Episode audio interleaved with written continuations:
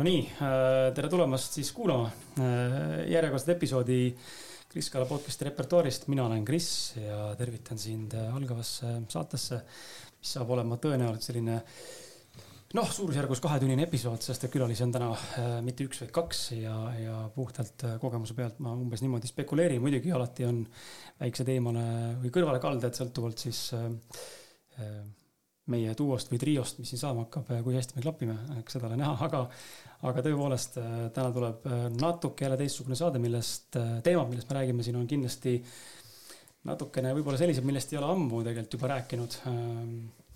Ja, ja ma siin lappan oma lehte, et nende seas, nende teemade seas näiteks on noh, kuna saatekülalised on meil vennad, siis elust vendadega või elust vennaseltsis või sellest äh, võitlusest või sellest armastusest sõltub, äh, missugune mõtteviis või suhtumine kellelgi on.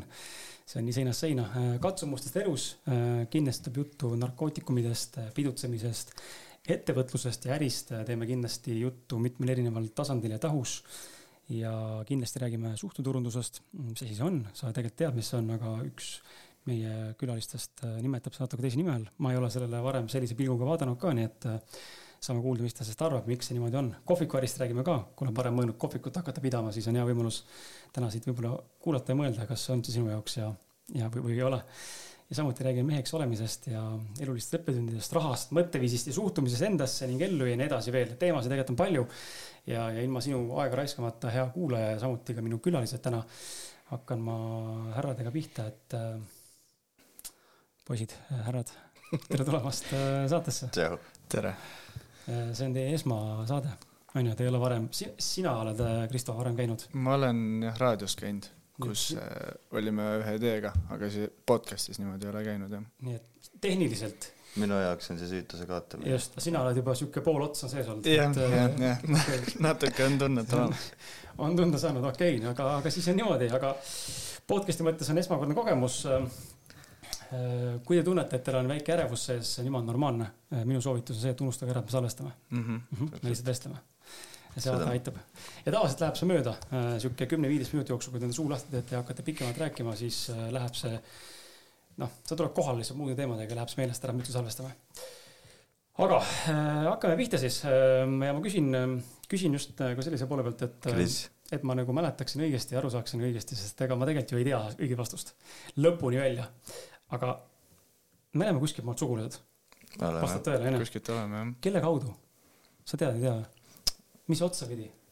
ema, lelle, poja, isa, vanaisa, õe, tütre kaudu. ma ei jaga nendest mitte midagi aga läbi isa. aga ma tean, et oleme. kuidagi läbi meie isa. läbi Merilainid. läbi sinu isa siis, läbi teie isa. läbi meie isa. meil on üks isa läbi teie isa. läbi meie, jah. huvitav huvitav oleks teada, mis, mis kaudu vaata, sest ma tegelikult ei ole uurinud seda asja, ma tean lihtsalt, kui ma noorem olin. ma olen ka uurinud, aga see on täpselt need esimesed sõnad, mis sa ütlesid. kasupoja lelle, onupoja tütre, õemees sünnitas äh, või sünnitas kaks last ja nii oligi. eks naise mingi, jah. okei okay., no aga siis on aga... nii, siis on nii, me teame vähemalt, et meid ühendab see, et me oleme suguluses. nagu Eestis enamus aga tegelikult on, see ei ole üldse nagu isegi mitte poolnaljaga öelduna, aga tegelikult tundub, et äh, on ju küll neid tulnud situatsioone välja, kus äh, sa mõtled, et äh, what the fuck, see on mu sugulane, kuidas see võimalik saab olla. ja noh, tegelikult siduvus on nagu null on ju elus, sa ei puutu kokku taga, sa teed kotiga on ju, ja võib-olla üldse see ongi nagu mingisugune, ma ei tea, kümnenda generatsiooni kuskil kaudu on ju. jah, peab ettevaatlik olema. Soomes võeti vastu seadus kas tuhat üheksasada seitsekümmend üks, et õde ja vend ei või olla suguluses? Eestis veel ei ole vastu võetud ma ei tea aga ei no jällegi, vaata, see on nüüd sihuke, see on nüüd see teema, kus äh, ma ei kujuta ette, ma, noh, ma tean tegelikult, isiklikult ei tea. aga ma olen, äh, ma tean inimesi, kes teavad inimesi, kes on täna ka Eestis eestlasena või siis mis iganes rahvusena, on oma õe või venna või sugulasega kuidagimoodi mingi, okei okay,, mitte venna või õega, aga sugulastega siis nii-öelda tegelikult. kahekümne esimene sajand võib vennaga ka olla. ja, ja mul tekibki sihuke tunne, et aga, aga äkki see on kõik sihuke, kas ikka tulevad need lapsed imelikud või ei tule, kas see see on nagu per fact, per facto nagu selge, et sugupuust oled, siis on pekkis või? okei okay,, päris huvitav, siis mõtlesin, äkki see on ainult mingisugune. miks, miks tõukoerad näiteks ka ei ela nii kaua? aga, aga putsikad ei tule imelikud selle pärast? au, au, mõnel on karva vähem, teisel ei ole. okei okay., kuule, aga lähme, lähme siis äh, selle juurde, et äh, kuna Kristo hästi ei tunne Mhm, ja kohtun tegelikult esimest korda sinuga, kui ma sinuga noorena mõned korrad hängisin seal Tartu maanteel, kui ma õigesti mäletan, kus sa kunagi elasid, oli vist Tartu maanteel, bussijaama Mm. juures kuskil. Tartu maantee viiskümmend kaks. sellest on palju lugusid jah sellest on väga palju möödas ja ma olin väga väike tatikas, kui ma sinuga tuttavaks sain. ma olin väga väike, ma mäletan, ma käisin vanemaga seal ühe korra külas mingi põhjusel, mis iganes põhjusel, siis tema suhtles ilmselt sinu ema või vanaema või kellegagi seal. sina ilmselt olnud sündinud siis, tõenäoliselt. Tartu maanteed mina ei ole näinud jah nii et sind ma ei saagi teada ega tunda ega mäletada hmm,. aga, aga siin ma keskendun mõnes mõttes natuke rohkem nagu sinu äh, poolele mm, -hmm. aga ei jäta siin Kristo varju. püüame mm. -hmm. kuidagi teha niimoodi, et mõlemad mehed saavad sõna, saate üksteist täiendada, eks ole. loomulikult esimesed seitse-kaheksa aastat, noh, esimesed neliteist aastat, võib-olla, võib-olla kümme, kaksteist aastat sa ei mäleta midagi, onju, selles kasvasid. tema lugu sa toetada ei saa, onju, aga, aga hakkame pihta, Remo, sinust, et äh, ja küsimus siis loomulikult on suunatud äh, hetkel sulle, Remo, aga sina saad kaasa rääkida enda kogemust, mis täna sinul on, sest et teil vanusevahe on kui palju? üksteist. üksteist, mitte just väga suur. mul endal vennaga on, on kaks pool venda nii-öelda, isa on siis sama. üks on viieteistaastane või kuueteist, sorry, ja teine on üksteist või kaksteist, jah, ja ma olen kolmkümmend kaks pool onju, ja siis teisel on kahekümne aastane vanusevahe peaaegu. aga noh, ma nendega niimoodi igapäevaselt kokkuvaate ei puutu sellisel viisil, võib-olla kui nad vanemaks saavad. Ranno Sootla või? ei, ta on sugulane. Ranno on jälle sugulane. Ranno on sugulane, Ranno on, Ranno, kes on pikaajaline kuulaja, siis on kindlasti seda nime kuulnud, Eesti üks tuntumaid pokkerimängijaid ja ta käis tegelikult siin saates ka, ma ei mäleta episoodi nime. otsige üles, pane Kris Kala, Ranno Sootla, tuleb sul episood, kus me Rannoga rääkisime pokkerist ja sellisest mõtteviisist, aga ta on mul tädipoeg, isa Mhm. või poeg siis. noh, kõige lähedasem, keda ma täna sugulastest nii-öelda siis pean välja, veel, veel need vennad onju. aga meie nüüd ka teie, nüüd ka teie. et nüüd ka teie. Aga hakkame pihta, kuidas oli, kuidas on teie jaoks olnud kool ja ma tahaks äh, kuulda just seda teekonda nagu. hakka sealt pihta, kui sa tahad, kus sa mäletad. ja sellel on põhjus, miks ma tahan alustada sellest just kooli nagu seikadest. see on äh, äge teema ja see on mulle väga vastuoluline teema, sest äh, minu lemmiktund koolis äh, oli reaalselt äh, vahetund. ma olin äh, alati see vend, kes äh, vaatas aknast välja tunnis, kellele ei meeldinud seal tunnis üldse olla, vaid vahetund oli see, kus ikkagi, kus äh, elu, elu rohkem äh, käis. ma läksin kooli kuueaastaselt. kui teised läksid seitsmeselt, siis minu meelest järgmine aasta oli see hetk, kus pidid inimesed, üheksakümmend, mis ma läksin, üheksakümmend kaheksa kooli või? ja siis pidid minema seitsmeaastaselt, ma läksin kuueaastaselt, ma ei teagi, mis mingi, mingi seadus seal oli, et pidid minema. Ja ma läksin sinna, ma pidin minema tegelikult üks klass eh, edasi, kus tegelikult olid äh, võib-olla ongi need õpetajad ja klass on väga palju nii-öelda voolinud mind. ehk siis äh, ma ei sattunud sinna klassi, kus äh, kus ma võib-olla oleks pidanud olema, kui ma oleks seal pidanud olema, siis ma suure tõenäosusega ei oleks ka täna siin podcast'is. sellepärast, et äh, täiesti vastuoluline äh, suhtumine mulle õpetajate poolt, sest äh, õpetaja, järgmise klassi õpetaja äh, kuidas ma ütlen, pani õpilasi siis, kui sa tegid mingeid lollusi näiteks eh, koolis, siis eh, see õpetaja, see, kes ütles, et kõik, mis sa teed, tuleb alati ära rääkida. ükskõik, mis sa teed. ja minu jaoks oli see vastuoluline, sest esiteks sa oled poiss, nagu sa tahad ikkagi katsetada, oma piire, igal pool kogu aeg igast erinevaid asju eh, kogeda, teha mingeid eh, lollusi, siis seal klassis õpetaja õpetaja õpetas, mina nimetan seda kittumiseks, mulle ei meeldi kitupunnid nagu reaalselt. täna on muidugi natuke teistmoodi need asjad, eks. Nagu räägitakse asjadest teise nurga alt päriselt nii nagu on, aga lihtsalt see õpetamisviis, kuidas seda õpetati tegema, et noh, kui ikka sa näed, et keegi kuskil midagi teeb, siis tule ütle kohe mulle ära nagu no, no, no, no, big no, see ei ole üldse mina.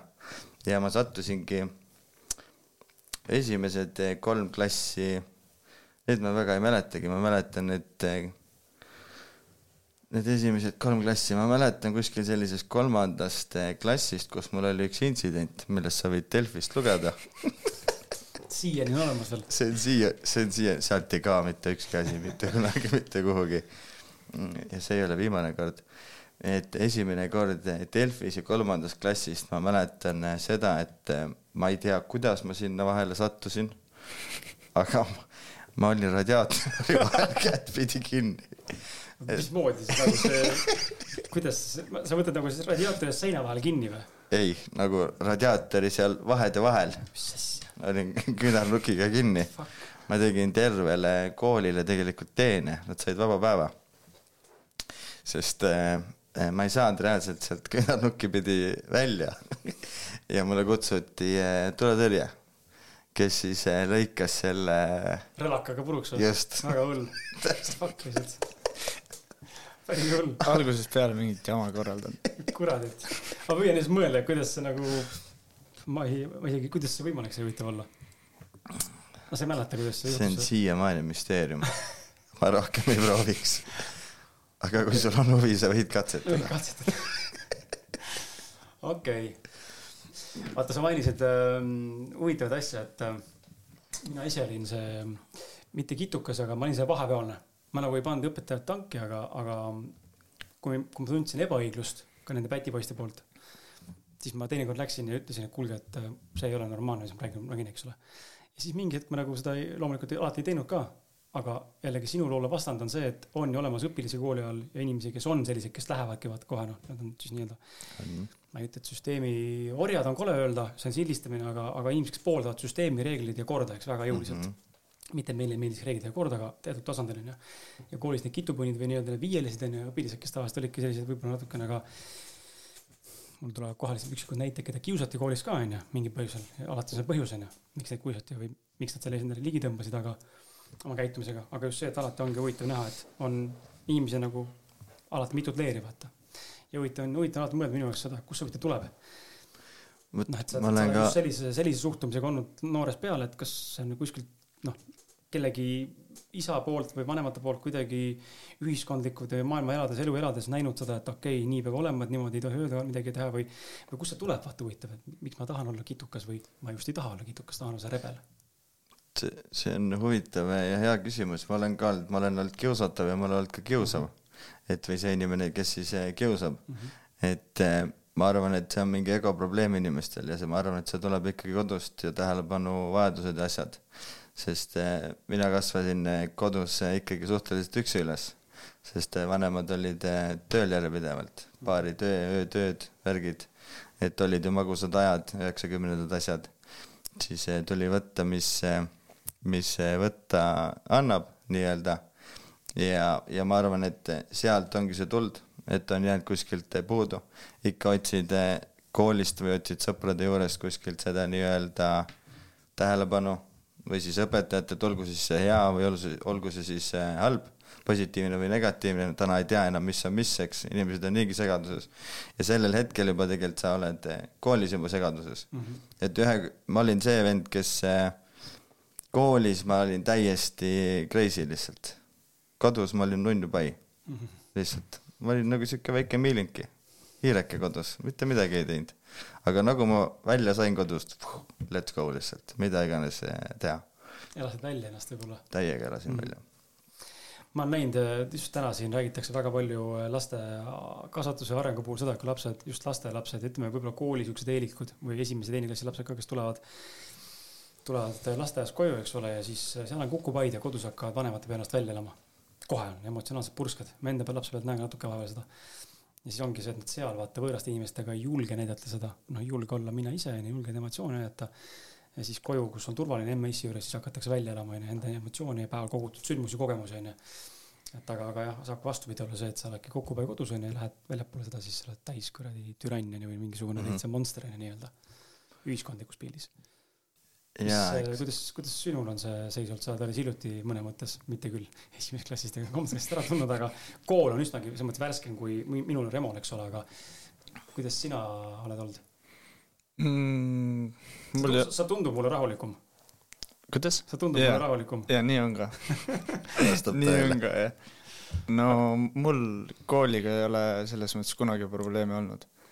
et äh, noh, kas ma just kiusanud olen kedagi, aga noh natuke ikka mm -hmm. tagant.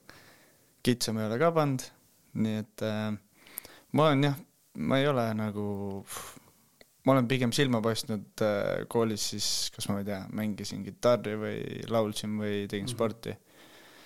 see aktivist nii-öelda olnud siis? jah. mõlemad olid aktivistid tegelikult, sa olid see paha. üks oli tunnis, teine vahetunnis jah, ma olen jah koolis algusest peale, kuna ma olen nii palju koole vahetanud tegelikult, ma olen mm neljas koolis käinud kokku, igal pool kolm aastat, siis ma kõike mäletan ma ei saa nendest aru, kes kaksteist aastat ühes kohas käivad, see on, ma ei, ma ei tea. aga sa vahetasid ju mitte enda vaba tahtel äh,? jah, jah, iga kord sunniviisis, et noh, olude sunn, olude sunnil jah. et esimene kuni kolmas klass oli samas koolis, kus Remo. ma arvan, et see võis olla see, et jumal tänatud, et ma ära sain sealt. et ei tea, mis oleks juhtunud. Et, et siis läksingi neljas, viies läk-, neljas, viies, kuues läksime siis linnast välja ja, ja siis, siis oli see, kus, kus ma sain siis äh, lood-, looduse ümber, Lasnamäelt loodusesse mm. -hmm. ja ma, ma näen, et täna see on väga-väga suurt rolli mänginud kindlasti. kindlasti, vaieldamatult, et äh, mitte, et Lasnamäe koolid halvad on, ma ise olen ka Lasnamäelt samamoodi pärit, onju, aga väga palju, noh, see keskkond ikkagi on nagu üsnagi sihuke mm -hmm. nagu mitte just kõige soosivam võib-olla. Sikupilli keskkool, öeldi, et on üks samm enda põiatut mm. tegelikult et kui sa võtad nagu seda üldist suurt pilti, siis äh, seal ei saanudki muud moodi olla. et ja kui veel pandi, meid pandi veel eraldi klassi ka nii-öelda, võetigi, ma ei mäleta, palju meid oli, kolmteist siis kõige halvemini käituvat õpilast pandi ühte klassi mm -hmm. ja nüüd öeldi, et olete seal.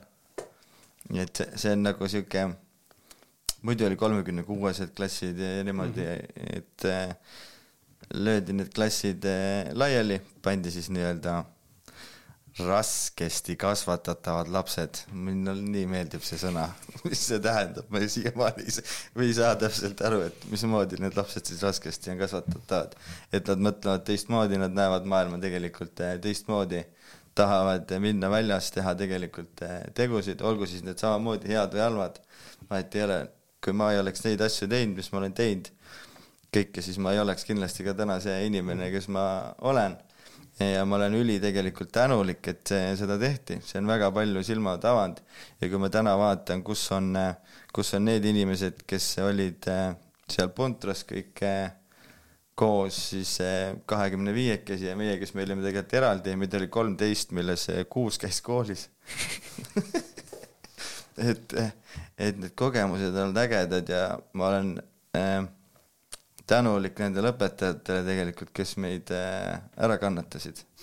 aga huvi pärast, äh, vaata ma ka, minu, minul samamoodi oli äh, alati läbi, ütleme põhikoolist alates, kuuendast klassist alates oli kooli kõige hullem klass kogu aeg ja ma kuulusin ka sinna, ka kiusatav mõnikord, väga harva õnneks, aga üldiselt ma olin kiusatajat, kiusa, kiusajate poolel, aga ma ei olnud nagu nii aktiivne kiusaja hakka tagasi vahepeal natuke nalja ka, aga vahepeal kiusasid ka, aga mitte nagu nii retsilt onju.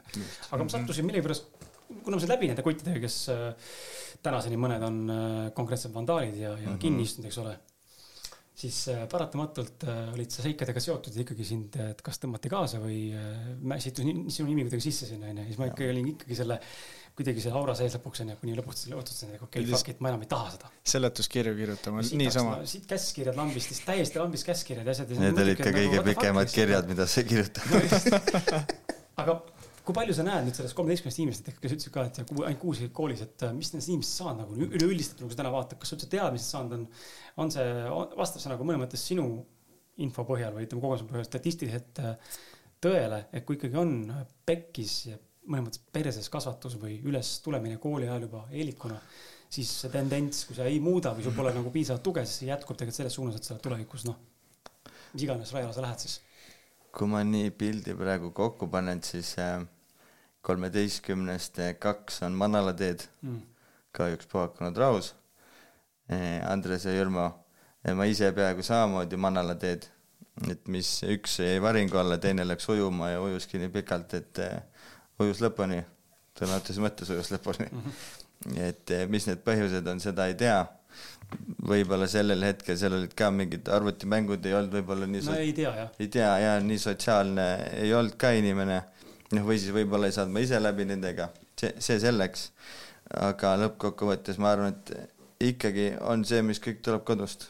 ikkagi kõik, kõik baseerub lõpuks eh, kodu peale kokku ja üldjuhul eh, need, kes me seal klassis olime, nad on täna kõik äh, edukad inimesed. Neil läheb elus äh, hästi, ma tean seda ja ma võin seda kinnitada. et äh, ma ei saaks seda jälle enda vaatevinklist öelda, et teistel, need, kes seal teises klassis olid, teisel pool, kus meid eraldati, et neil nii hästi läheks. erand ei kinnita küll reeglit, aga, aga nii on, et suurem osa on ikkagi kahjuks teevad seda, mis nad peavad tegema -hmm. ütleme siis niipidi, et äh, aga kui lähme vanemasse ikka, ütleme seal sihuke, no ütleme põhikool, gümnaasium, see, see vanus on ju, sihuke kaksteist, ütleme kaksteist, ütleme neliteist, viisteist kuni sinna kaheksateist aastaseni välja, et mis see sinu ambitsioon oli? sest et nagu ma tegelikult aru saan, ikkagi sinul see noh, ütleme see näide, mis sa koolitusest tõid, eks ole, et sa olid sihuke vahetunnimees pigem ja, ja pigem sinna päti poole see tegelikult jätkus ju päris pikalt, aastate mõttes, vanuse mõttes, inimese kasvamise mõttes, see kasvas, jätkus samamoodi. sinul jällegi erinevalt, onju, on see teekond hoopis teine olnud mm. -hmm.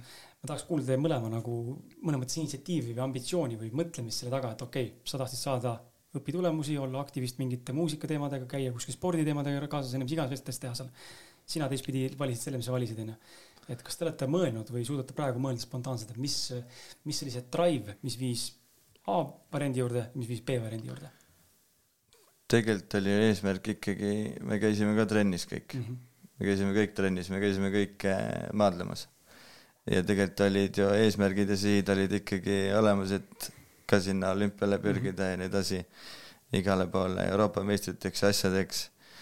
aga see keskkond ja see kool ja tegelikult ka trenni sees olid äh, inimesed siis, äh, kes olid nii-öelda need alfad ilmselgelt sa noorest peast juba vaatad ja neid vendasid, kes sul on ikkagi ees, sinust vanemad trennikaaslased, sa käid eh, nende järgi.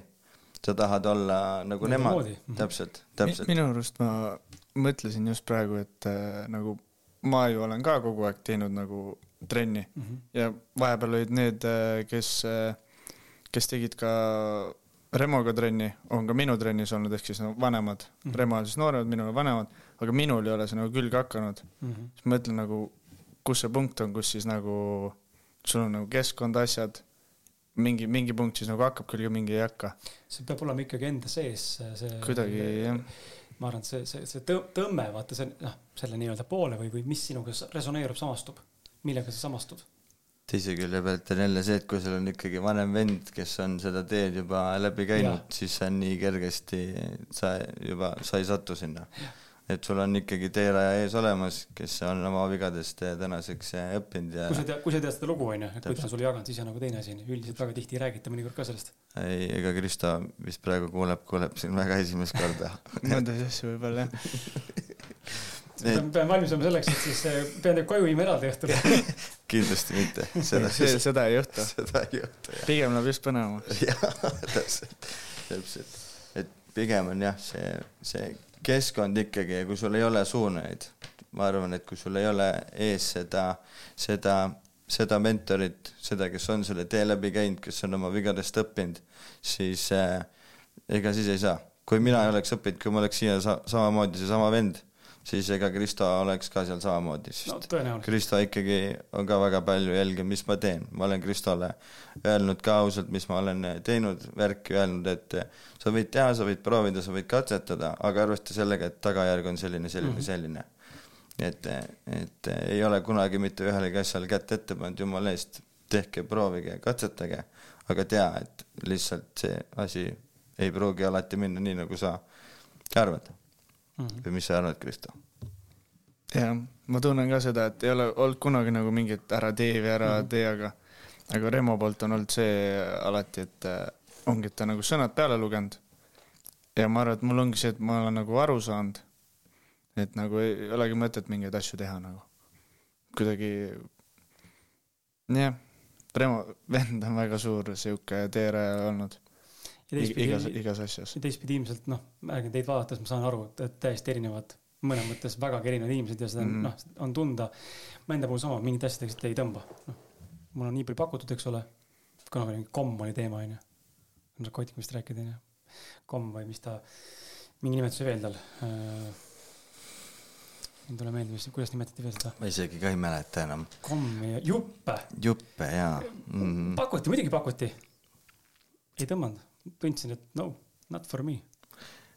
jaa, kui võtta, siis justkui seda ütled, siis see on hea teema, kuhu peale. ma tahakski sinna liikuda. natuke nagu hüpata jah. tahaks liikuda, sest et kui sinu sissejuhatust vaadata ja kes, kuna ma saates ette seda praegu ei loe, eks ole, siis kuna see on A4, siis hetkel ei, ei viitsi ette lugeda seda, aga te saate lugeda seda ise, head kuulajad, kui võtate lahti saate kirjelduse või postituse Facebookist või kus iganes. saate tegelikult näha, et, et see kogemus sellesse maailma algas tegelikult üsna varakult härra Remol. viiskasin sinna, räägi natuke sellest, kuidas, kuidas nagu, kui loomulikult või, või kui ebaloomulikult see sinu ellu jõudis üldse see narkootikumide maailm ja mis võis olla esimene kokkupuude või mis võis olla ajend, mis pani sind mõtlema, et okei okay,, cool, seda tahaks küll proovida või et fuck, see on mulle noh. Noh, sa oled viie inimese keskmine, eks, kellega sa suhtled mm -hmm. ja kui sul ikkagi neli venda, viis venda kõrval kõike teevad, sinu siis nii-öelda, ei saa teda neid mentoriteks nimetada, sinu trennikaaslased, sinu siis selle aja nii-öelda sõbrad teevad, siis kuidas sa ei tee? et selles on. ei nõustu sel no täpselt, ei nõustu, aga kui sa ikkagi oled nende viie inimesega seal eh, sest sul on täna need teadmised, mul ei olnud sellel hetkel. see mõjutab, loomulikult see mõjutab. muidugi, see, see mõjutab eh, nii räigelt, et kogu see keskkond, üldse kogu see Sikupilli rajoon, see on ju noh, öeldi, et Kopli on üks kõige hullemaid rajoone tegelikult on ju narkourgaste poolest. tegelikult on see Majaka-Pae, Sikupilli. see on täiesti crazy, mis seal toimub, täna on see ilus rajoon, ma ei tea, ma ei ela seal enam, ma ei oska öelda, mis seal toimub.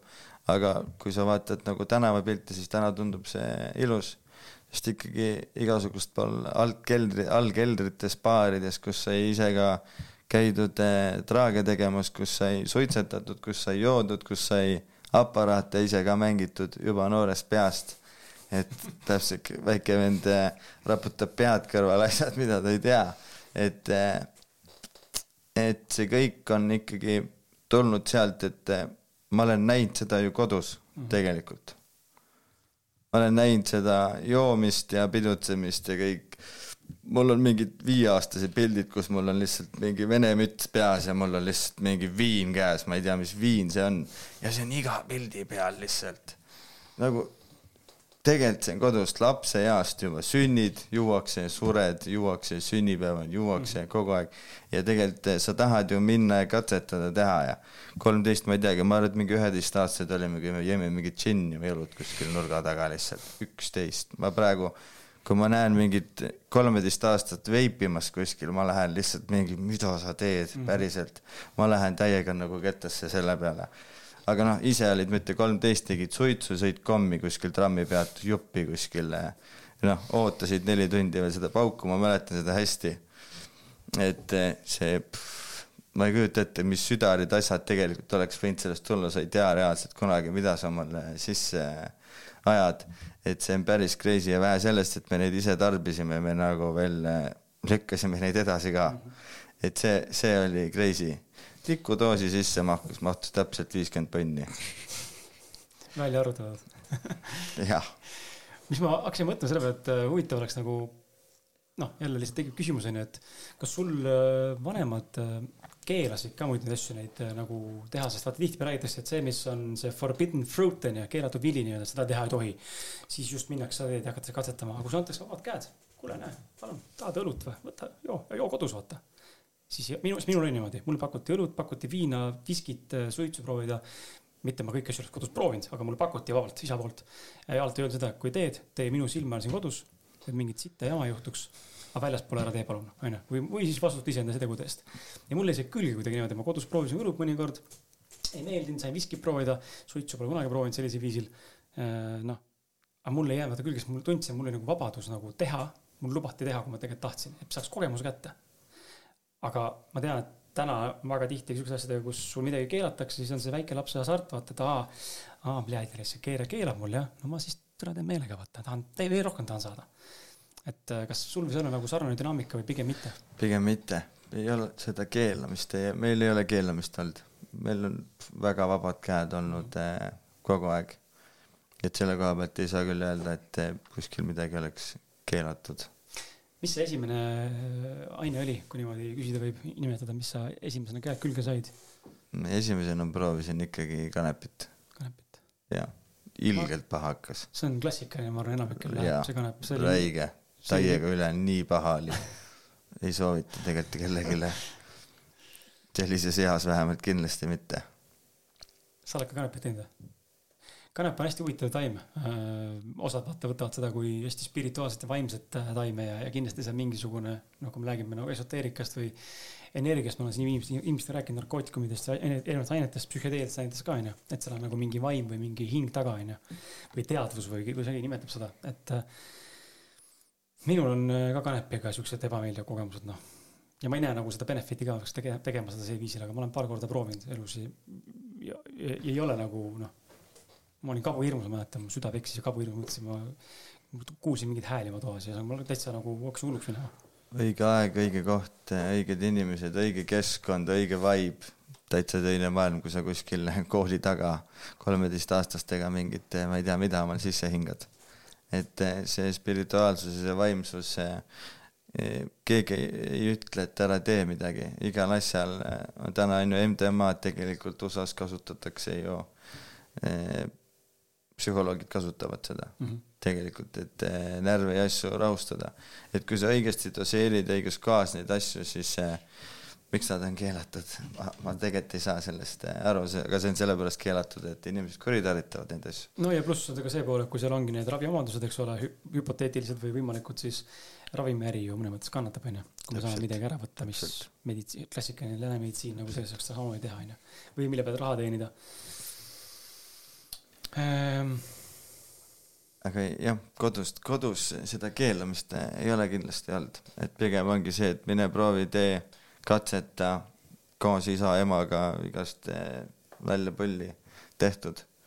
aga, aga jah, pigem, pigem on eh, see kodus, mis on kodune, on olnud eh, alkohol nagu kahjuks mm et eh, see on väga suur kurja juur ja see on tegelikult ka endale väga sügavalt sisse juurdunud.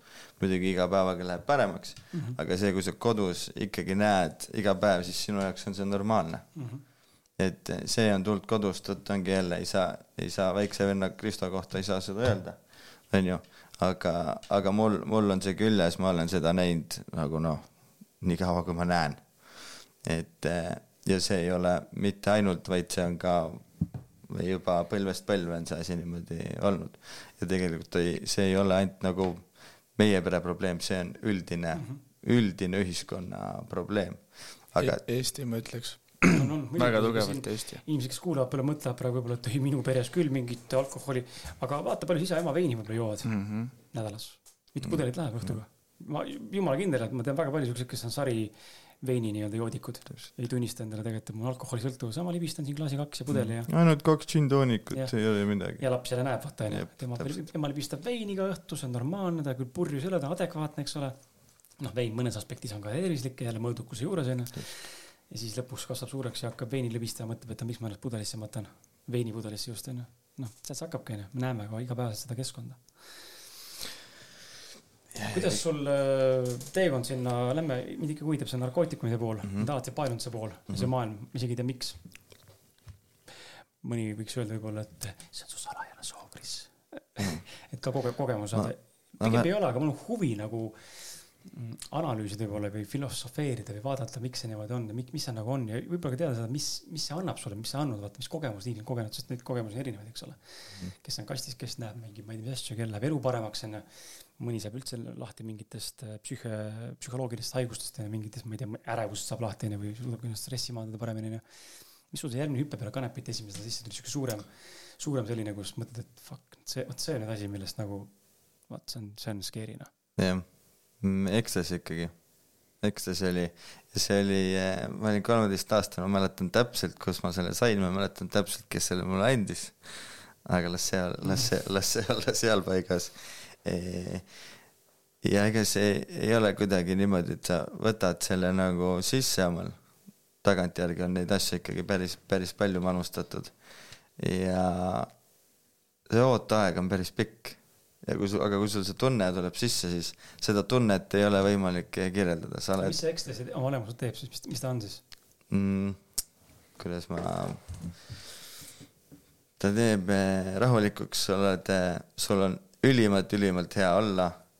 sa oled eh, ülisõbralik, sa tahad kallistada, sa oled leebe, sa oled sõbralik et eh, mingit agressiivsust või sellist asja seal eh, taga ei ole. muidugi, kui sa sööd ekstasit, kui sa mingeid alkoholi ja asju sinna veel juurde paned, siis muidugi võib katuse mm -hmm. ära sõita. aga see tunne on, seda tunnet ei ole võimalik kirjeldada. aga see tunne on hea. aga ma ei soovita seda kolmeteistaastaselt. ma ei soovita seda isegi kahekümneaastaselt. et eh, vali omal aeg, vali omal koht, vali omal keskkond, vali omal inimesed, kes on eh, teadlikud sellest eh, asjast. ära mine mingi purjus sõbraga seda kuskile koos tegema. Vali omal ruum, vali omal aeg, vali omal mm -hmm. koht, kus seda teha. see, ma ei ütle, et see on halb. aga ära tee seda tänaval lihtsalt mingi suvaliste sõpradega. vot ma arvan, et see on see koht hmm, mida paljud räägivad ka, kui me räägime siin psühhedeelsetest ainetest või, või, või isegi narkootikumidest või pidutsemisest, eks ole, et mm, see turvaline keskkond, vaata. et on inimesed, keda sa tunned või, või inimesed, kes on mõnes mõttes noh, ei saa öelda narkootikumide spetsialistid, aga no kes nad teavad, mida see aine sinuga teeb, kuidas inimese keha võib, erinevad kehad võivad sellele reageerida, ta on näinud võib-olla erinevaid kogemusi, onju ja siis teha seda nii-öelda nagu sellises mõnes mõttes nagu retriidi tasandil, ma saan aru, on jumala fine, ta tahab koge, mine koge, okei okay,, kui siis kutsub, mine tee, kui tunned, et see aitab sind, siis go for it onju. aga just see pool, et jah, sest et sa ei tea, vaata, kui sa tegelikult esimesena teed ja kuidas see sinuga käitub ja noh, ma, mul, mul, mul endal tekib hirm või nagu mul tekib siuke tunne, mida fitt on, võin ju, the fuck noh, mis ma võin surma isegi saada niimoodi, kui ma tegelikult ei anna endale aru, mida ma tegelikult teen ju. aga jaa, täpselt suures pildis kustutame üldse selle jutu ära, mis me rääkisime, siis tegelikult äh, Eh, see aasta märtsis ma ei, ma ei söö seeni näiteks mm. ma ei söö seeni, mulle ei meeldi toidu sees seened, ma ei saa, ma hakkan oksele lihtsalt nendest asjadest. see aasta märtsis ma esimest korda kuidagi eh, sattus see minu ellu, igal asjal oma aeg ja see kasvab maa sees, see tuleb mulla seest. ja see on, see on täiesti teine kogemus, mis on igasugused ekstasid, MDMA-d mm, -hmm. kanepid, sa mingid asjad, mis su elus on olulised, mingid probleemid, asjad, sa unustad ära need, sa lihtsalt naerad nende peale. sa võid seda samamoodi teha nagu mingi spirituaalne rännak, seda tehakse ka Eestis. nii et ka kaks, kaks täiesti eri suunda ja mm -hmm. kaks täiesti erinevat arusaamist. ja minu meelest on üldse inimesed, kes noh, täna ma võib-olla ma lükkaks ümber selle arvamuse, mis mul ennem oli, et inimesed, kes on, on teinud eh, nii-öelda siis tarbinud mingeid eh, uimastavaid aineid, et nad mõtlevad teistmoodi, tegelikult ei mõtle. aga kindlasti silmaringi ja nii-öelda maailmavaadet avardab eh, kindlasti igasuguste nii-öelda asjade proovimine, katsetamine, aga mõistuse piires mm. -hmm. aga kui sul mõistust ei ole, siis ära tee neid asju. et see, see on nagu see põhiline asi. ja see, ja see asi kestab, see asi süveneb sulle ma ei ütleks nüüd seda, et ma nüüd mingi värisesin kuskil, et ma tahaks kogu aeg mingeid asju teha, ei kindlasti mitte. sellist asja ei ole, ei ole kordagi olnud. välja arvatud äh, jah, koogiga mm. -hmm. koogiga on küll see, et äh, tundub nii, nii ohutu asi, kõige ohutum asi tundub üldse, keegi ei saa sinust midagi aru, söögis on, magad, teed, käid, aga see, kuidas see kokaiin hakkab sulle lõpuks äh, psüühikale noh, see, see on äh, utoopiline. ah, mis siin ikka reedel ühe väikse laine teen sõbraga, onju. et äh, aga see, kuhu see viib, see on kõige hullem asi üldse, mis saab meie planeedi peal olla. ja see on huvitav jälle, onju, kui me räägime jällegi taimedest, et kokaiin tegelikult on ju ka oma olemuselt taim, onju. võin eksida, aga on, minu meelest. ja ta on kokapõõsas küll jah ja,, aga ole, teda segatakse ikkagi. ta on sünteetiline siis. ja ma panen mõtlema, et huvitav, et äh, vaata, me sinuga ka, enne kui me seda kokku panime, saime korra kokku. ja, ja me jäime ka nagu vestlema sel teemal, et äh, mul, minuni jõudis ka alles hiljuti äh, ja on tegelikult varasemalt ka minevikus jõudnud jutte selle kohta, kuidas äh, noh, tegevjuhid, ettevõtte juhid, suured ärimehed, eks ole, ma ei räägi nüüd Eestis või maailmas, tal üleüldse, kes tegelikult äh, high performance nii-öelda mõistes ja ma enda üks üllatavalt tuttav ka Äh, tegi nagu väikse ülestunnistuse onju, et high performance'i juures hakkas kokat tarbima onju. ja see on nagu minu jaoks pannud mõtlema, et holy shit, what the fuck, et see on nagu tegelikult nii, esiteks laialdaselt lihtsalt kättesaadav. ja sa tegelikult ei pruugi aru saada, et inimene tegelikult teeb noh, üldse mingeid aineid, on ju, sest et ta suudab teha seda siis kas kontrollitud viisil, on ju, kontrollitud turvalises keskkonnas, on ju, ja ta näeb välja jumala kasitud ja normaalne inimene ja võib-olla isegi sportlane, on ju, tegelikult teeb kokad, on ju. Maradona. oli nii või? muidugi. väga huvitav, on ju, noh, ei saa aru, on ju, et äh, siis paneb mõtlema, et äh, mis on, mis seal siis nagu nii tugevat on selles, sa võiks natuke põgusalt nagu rääkida, mis see, noh, okei okay,, sa räägid, et see on ohtlik, eks ole, mingi aja peale see hakkab psüühikale, mida see tähendab, psüühikale hakkab, äh, kuhu see viia võib sind, mida sa ise kogesid võib-olla ja, ja kas sa, kas sa suudad ka välja tuua võib-olla sellise nagu benefit'i, et vot näed, seda tehes ma tundsin, et äh, vot see oli parem. või et see oli, olin efektiivsem, olin võimsam, olin kurat, äh, ma ei tea, kiirem, mis iganes veel. või seal ei ole sihukest, sihukest efekti juures, et see on. see, see ongi see eufooria, miks sa seda teed mm et sulle tundubki kõik, kõik tundub nii ilus, kõik tundub äh, palju parem, tundub, et sa oled nii suur ja võimas, et kogu maailm on sinu ees valla, mitte ühtegi takistust ei ole. see ongi alguse tunne, see on äge tunne alguses. aga kui see asi süveneb, siis see nagu, see hakkab äh, psüühikale, ma tegin näiteks seda, ma mängisin pokkerit. mulle väga meeldis kookis peaga pokkerit mängida, üliäge, ülipikalt saad teha ülipikalt saad mängida mõtled, et oled ilgelt teravaju oled kogu aeg nagu. tegelikult see on nii bullshit lihtsalt, see on nii bullshit. elad kuskil eh, mulli sees, mängid seal kolmkümmend kuus tundi järjest, magama ei lähe, tellid ainult kotti juurde kogu aeg. et eh, ja see, ja see on, ja see on järjekordselt, eh, ma ei üldista seda, et nüüd pokkerimängijad kooki teevad, absoluutselt mitte, nagu targad inimesed ei tee, ei ole seda vaja. ikka proovivad, katsetavad, teevad aga üldjuhul ongi jälle see, kus keskkonnas sa seda mängid, kellega sa mängid, mis eesmärgil inimesed tulevad seda pokkerit mängima, kas nad tulevad päriselt mängima pokkerit või tulevad nad tegema näiteks kooki. et eh, see, see keskkond ikkagi lõpuks, järjekordselt keskkond mm. -hmm. et, eh, et elad selles illusioonis, selles koka illusioonis, silmaanused on mustemad kui su jalatallad, on ju tossudel Eh, neerud eh, lähevad eh, läbi, tekivad, tekivad sellised unehäired tekivad. sa ei saa päris täpselt reaalselt aru, kas on öö või päev, sul ei olegi väga vahet, sa oled uimas. ja, ja lõppes see tegelikult, lõppes see nii, et kus mul käis viimane klikk ära, oli tegelikult, kus Kristo, Kristo võttis, Kristo võttis, ütles mulle, Kristo mentor üks väga-väga tubli Eesti, Eesti spordi eestvedaja, kes täna teeb, ma läksin kallale sellele inimesele lõpuks. me tegime koos paar klaasi rummi, magamisin ära ja ma läksin talle kättpidi kallale. see oli lõpptulemus, kuhu ma psüühiliselt jõudsin selle asjaga. see, see oli see häirekell, aga see võib häirekell olla, aga sa ei tule sealt niimoodi välja, et nüüd ma lõpetan ära et see asi tegelikult äh, äh, jätkus ja see asi käis tegelikult endal, enda ettevõtte sees kogu aeg mm, -hmm. mis on päris äh, karm. paneb mõtlema see lihtsalt, et huvitav, vaata öeldakse ka, et inimese elus tuleb suur muutus läbi agoonia või valu ja sellise no meeleheite et vaata, kui sulle öeldakse, et kui sul ei ole noh, et ütleb ka, et no ma ei saa selleks kokast, eks ole, või mõnil on mingi muu sõltuvus või mõnel on mingi muu asi. et enne ei suuda seda käest ära panna, kui on nagu väga rets mingi kogemus käes, siis sa saad aru, et holy shit, mida vittu ma tegelikult oma eluga teen, onju, või mida ma teistele teen. et huvitav äh,, huvitav, hea oleks nagu teada, aga see ongi võimatu teada, hea oleks teada individuaalselt, kus on minu see piir, vaata, et tõmbaks nüüd selle piiri, okay,, ma tean, ma saan ühe korra vaata veel teha, siis mul nagu pekkis noh, mitte ma testin seda joont sinnamaani, kui mul hakkab vastik juba valus juba veel midagi keerab väga tuksi, onju. et aga tundub, et elu on äh, mõnes mõttes sihuke huvitav meil siin inimestena, et ega me enne ei õpi, kui on äh, noh, kogemus on käes ja tihtipeale on see valus kogemus, ebameeldiv kogemus. mis paneb kasvama või muutuma. jah, kui, kui sulle ikkagi ei ütle keegi, et see -hmm. kuhugi maale sinna viib, siis sa katsetad seda onju, siis sa lähed ise sinna.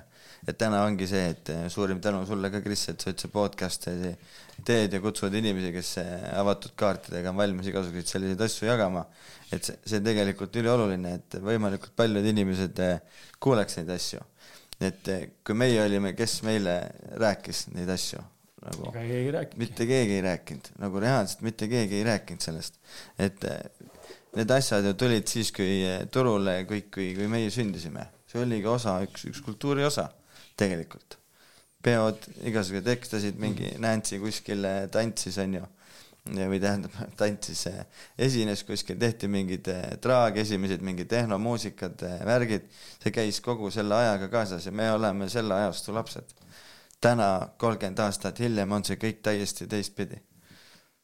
ühtepidi mm. -hmm. teistpidi, kui ma üks päev tulin, see oli vist eelmine suvi, kui ma tulin Balti jaamast, tulin ja nägin, kus oli kolmeteistaastaste ring oli mingi kümme, kümme tatikat olid seal, liitrine jäkupudel äh, käis äh, ringi, tobid olid ees, karjusid, muss käis ja kõigil on pohhui mm. -hmm.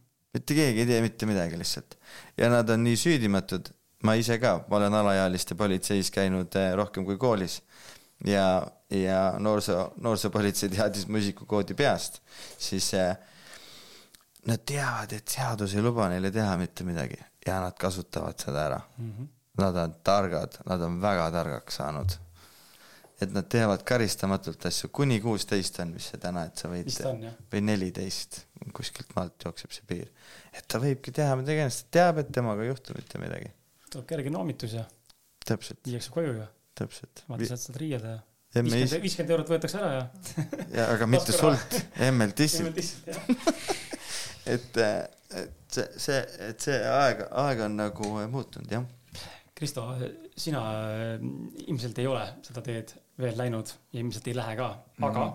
mind huvitab siin sinu äh, pool just nagu läbi sellise healthy sportsman competition'i mindset'i, on sul kunagi tekkinud mõte?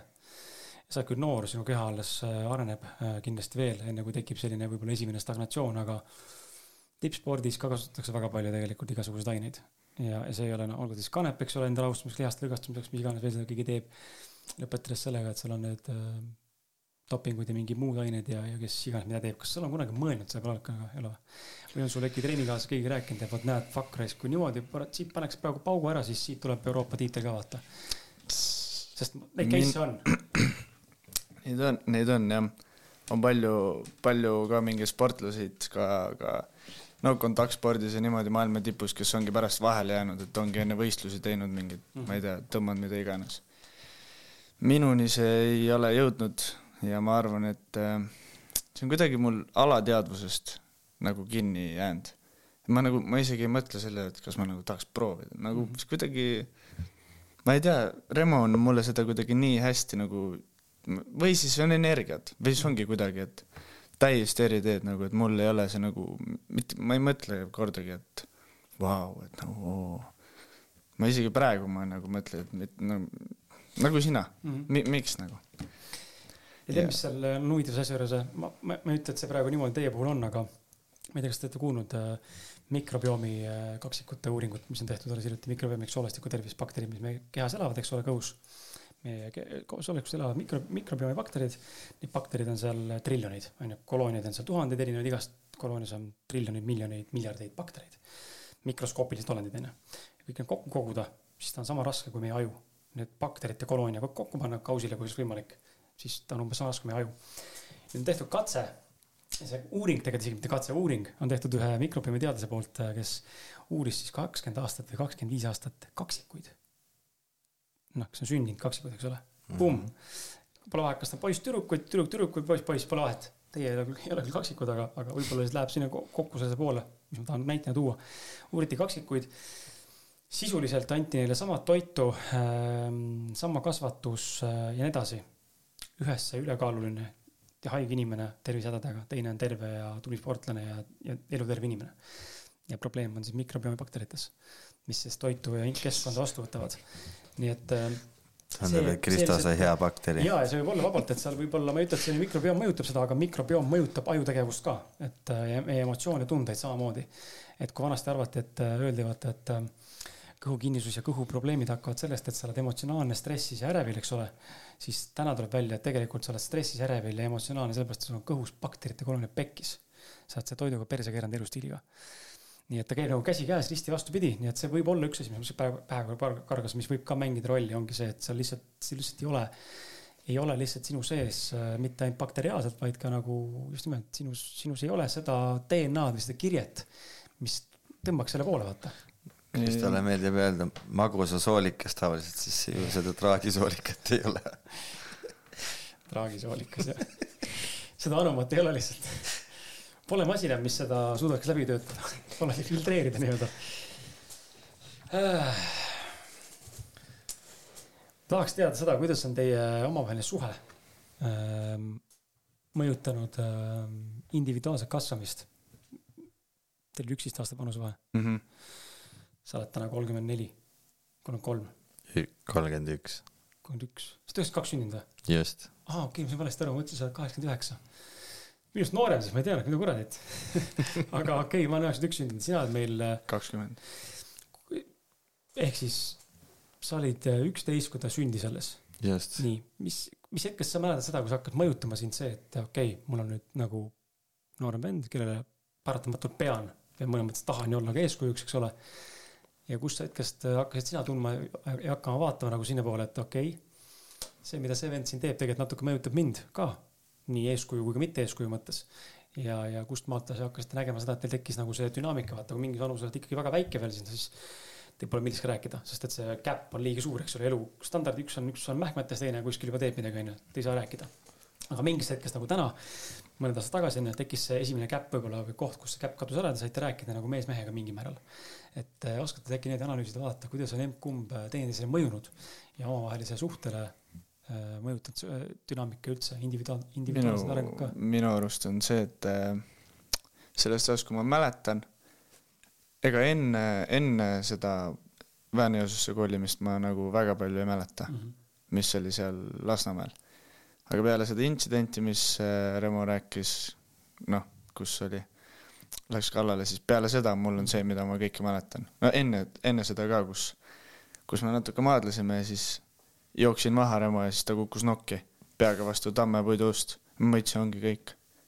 see oli noh, ma arvan, peale seda mul oli kuidagi, et äh, no si-, peale seda ma mäletan kõike nagu mhm. vestlusid, asju, et siis, kui Remo mingeid ettevõtetes tegi, tegi mingeid tegusid, siis ta rääkis mulle, siis ma hakkasin juba aru saama, mäletan, siis oli nagu eeskuju, kõik siuksed asjad. spordiga ma ei mäleta, et oleks eeskuju. see on, no lihtsalt trennis, et ma käisin kaasas see on, see on see nagu alateadlikult ja, ja et ma pidin käima trennis mm,. aga, aga jah, siuksed nagu ma mäletan, siis on viimased siis, mis on kuus-seitse aastat, on selline, kus on nagu vähe tiibimaks läinud ja kus ma olen nagu aru saanud. nüüd ma olen nagu ise ka teadlikum -hmm. et ma teangi nagu, hakkan nagu aru saama, okei okay,, et sealt tuli mingi sihuke asi ja et et miks ma midagi ei tee, on sellepärast, et Remo ütles mulle nii siis ma veel noh, see on mul kõik nagu külge jäänud alateadlikud nagu, nagu hea programmeerimine. Tremol seda, seda inimest ei olnud, kes mm. nii teeks.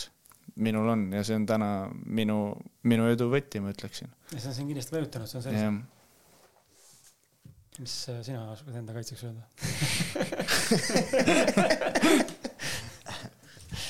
aitäh, Kristo. teed silmamärjaks. silmad märjad nagu palgapäeval mm.? tuleta mulle küsimust meelde. mis hetkest sina hakkasid tundma seda vastutust hmm.? et okei okay,, see vend jälgib, mida ma teen. või et ma tahan teda mõjutada nüüd mingis suunas või et vastupidi, ära hoida milleski. noh, täna sa teed seda, eks ole, aga mis, mis hetkest see pihta hakkas ja kuidas see sulle mõjus? kas see oli mingi esiteks suurem... ma tahtsin õde hmm..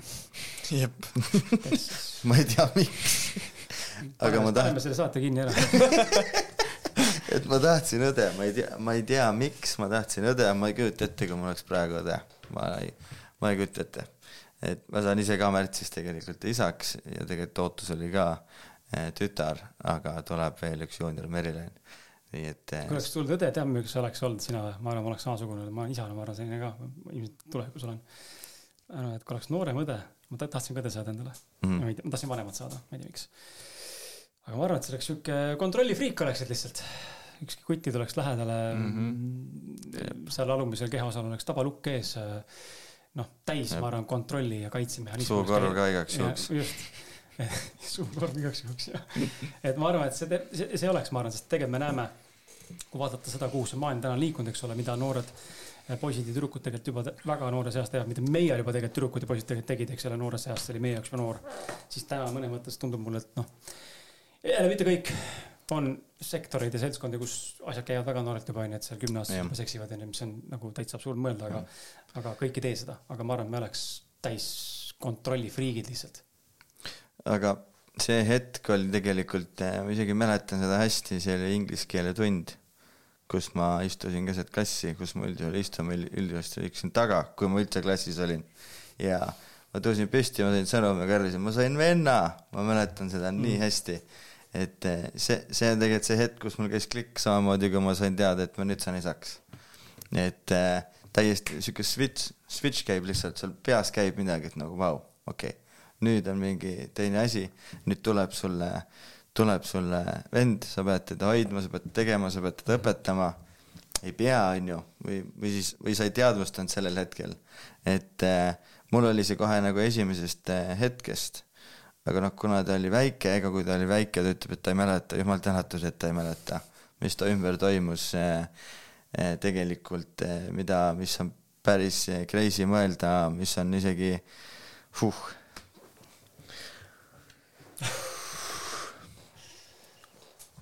et, et see pidu, see pidu käis ka ümber tema mm, -hmm.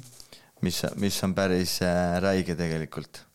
et äh, nagu ma ütlesin, mu vanem, vanemad ei olnud väga, olid tööl enamus ajast, siis ma ikkagi hoidsin äh, Kristot ka väga palju, käisin lasteaias järgi ja nii edasi. mul väga meeldis, väga meeldis vennaga chill ida, siiamaani meeldib, ikka nagu mitte midagi ei ole muutunud, ikka iga hetk, iga kell chill'iks, no probleemus äh, et äh, see on kogu aeg olnud, tegelikult oli tugi ja kõik nunnutasid, tegid, olid, aga samal ajal olid mingid inimesed võib-olla mingite mõnuainete all mm. -hmm. et, et see nagu haige tagantjärgi mõelda, et see käis niimoodi ümberringi. ja nagu ema-isa voodisse kukkusid, isegi ema-isa voodites, magamistuba nagu isegi seal voodist leiti mingeid asju ja nagu haige tagantjärgi mõelda, mis on toimunud. aga näed, poiss on elus, elab eluterve, ei mäleta teadlikult alateadlikult me ei tea. võib-olla midagi, midagi mäletan väga, väga no., väga selline, et, et on mingi pidu või midagi aga see pole mõjutanud vaata sellisel viisil ja jällegi me kunagi ei tea tegelikult, ma ei räägi ainult sinust, eks ole, endast või sinust ka Remo on ju, isegi meie kuulajatest, et me tegelikult mitte kunagi ei tea, millal need lapsepõlve mingisugused kogemused, need allasurutud traumad millal esile võivad tulla kehatasandil. noh, mul on siin tuttavaid küll, kes on neljakümne viiesed, viiekümnesed ja siis avastavad, et aa, mida viite, sihuke asi juhtus minuga või? kahekümnendates, ma üldse ei mäletagi. keha on vaata ära sulgenud selle mm -hmm. mälestuse, et see on liiga trauma-, liiga traumeeriv et me ei tea, me ei tea kunagi, mille mingi see mõjutama hakkab lõpuks. jep, aga see ei olnud, see ei olnud kindlasti traumeeriv mm -hmm. keskkond, nagu keegi ei keelanud, mm -hmm. mitte ära tee ära sinna, mida sa siin vahid ja passid ja et mis see sinu asi on ja et ikkagi, kui ühe kuni kolme aastane, kolme aastane, siis sa käid ju miks ja miks ringi, onju, mhm. siis eh, Kristo sai need vastused kogu aeg, keegi ei öelnud, et mida sa töllerdad siin, mhm. onju. et mine oma tuppa, passi seal. Sihukest asja ei olnud, sest mina, mina mäletan hästi, et nagu kui vanemad tahtsid kuskil pidutseda, onju, siis mine passi oma toas. Mm -hmm.. noh ja siis sind keelatakse, okei okay,, nüüd me jõuamegi sinnani, et võib-olla keelatagi.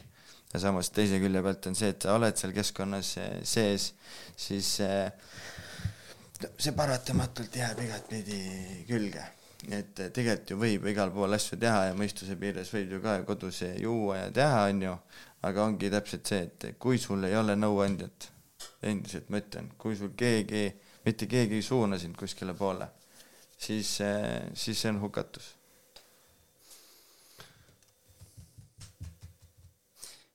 mind äh, tuleks korra selle raha teema juurde, uskumuste juurde.